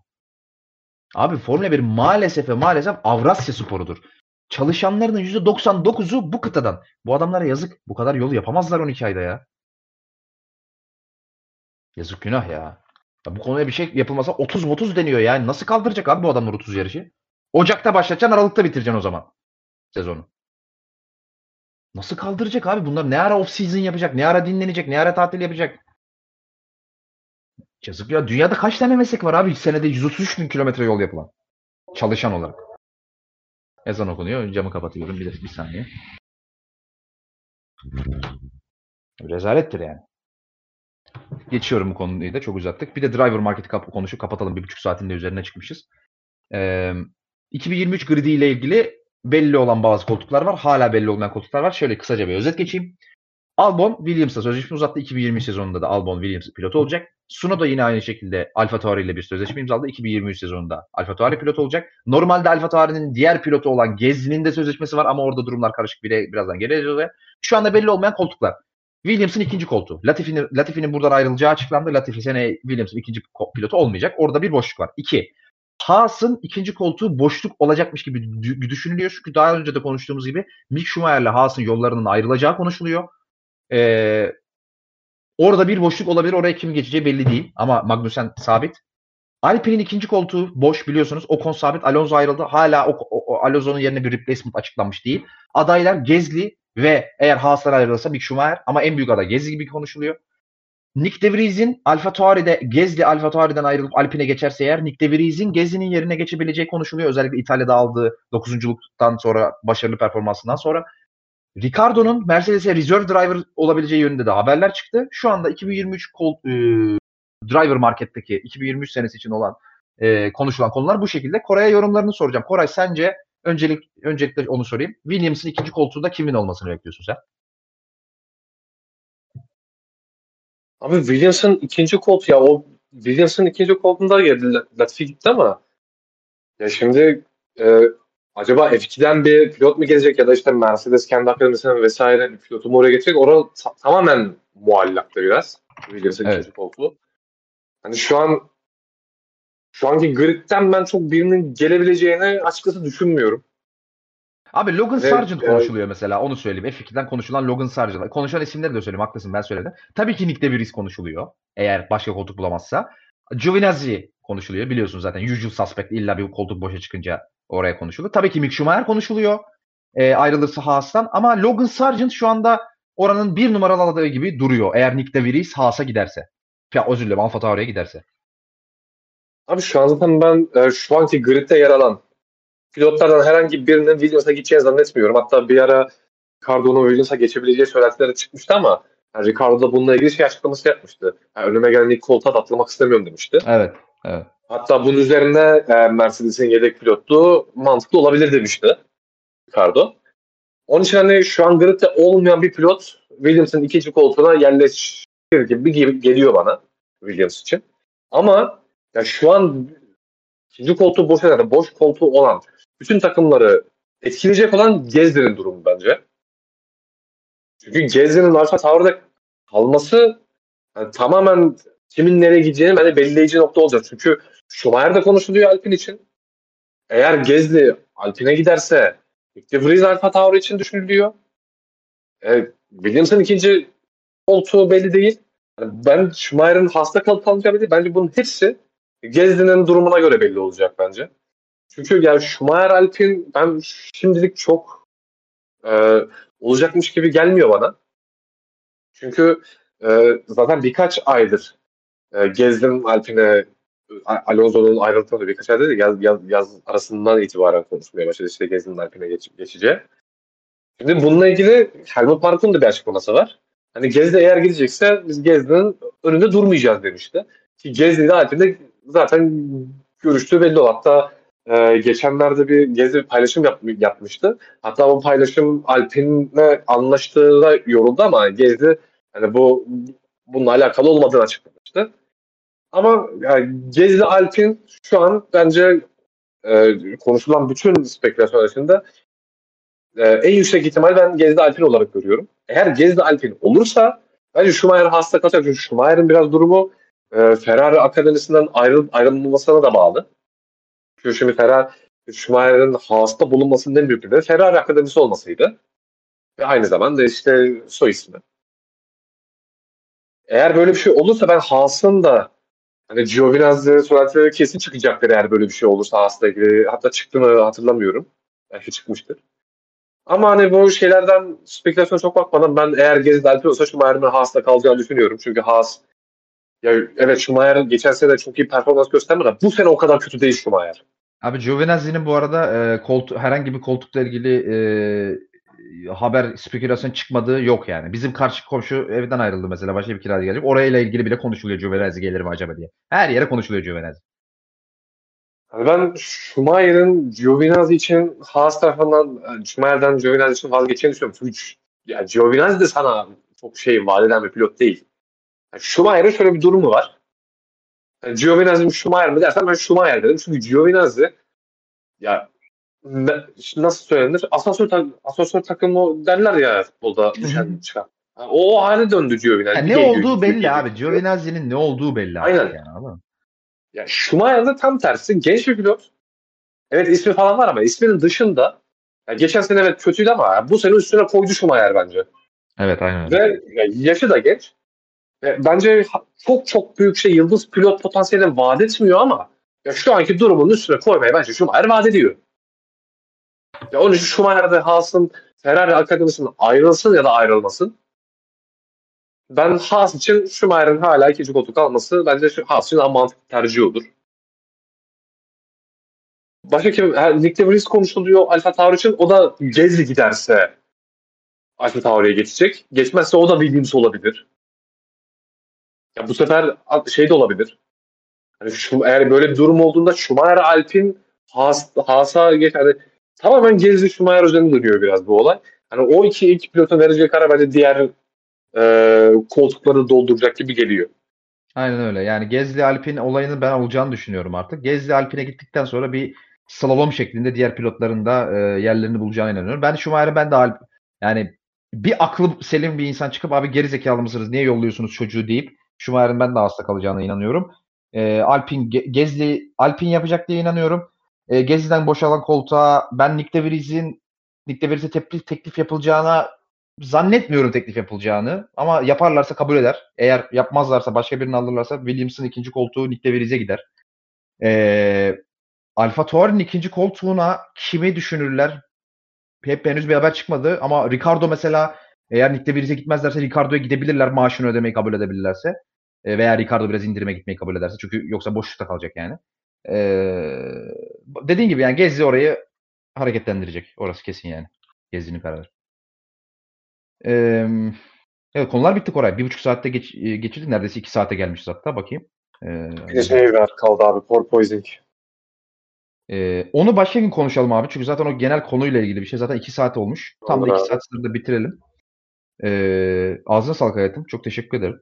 Ee, Yanlarınıza sağlık. Ben teşekkür ederim. e, şu an bir şeylik yaptığımı fark ettim. Sığırlık yaptığımı fark ettim. Onu düzeltmeye çalışıyorum. Ne yaptın diyeceksen. 2020, şey, 2020 diyor.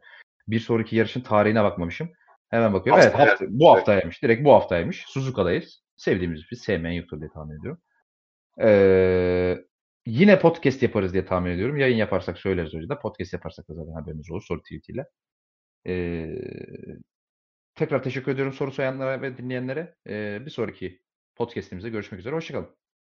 Teşekkürler. Hoşçakalın.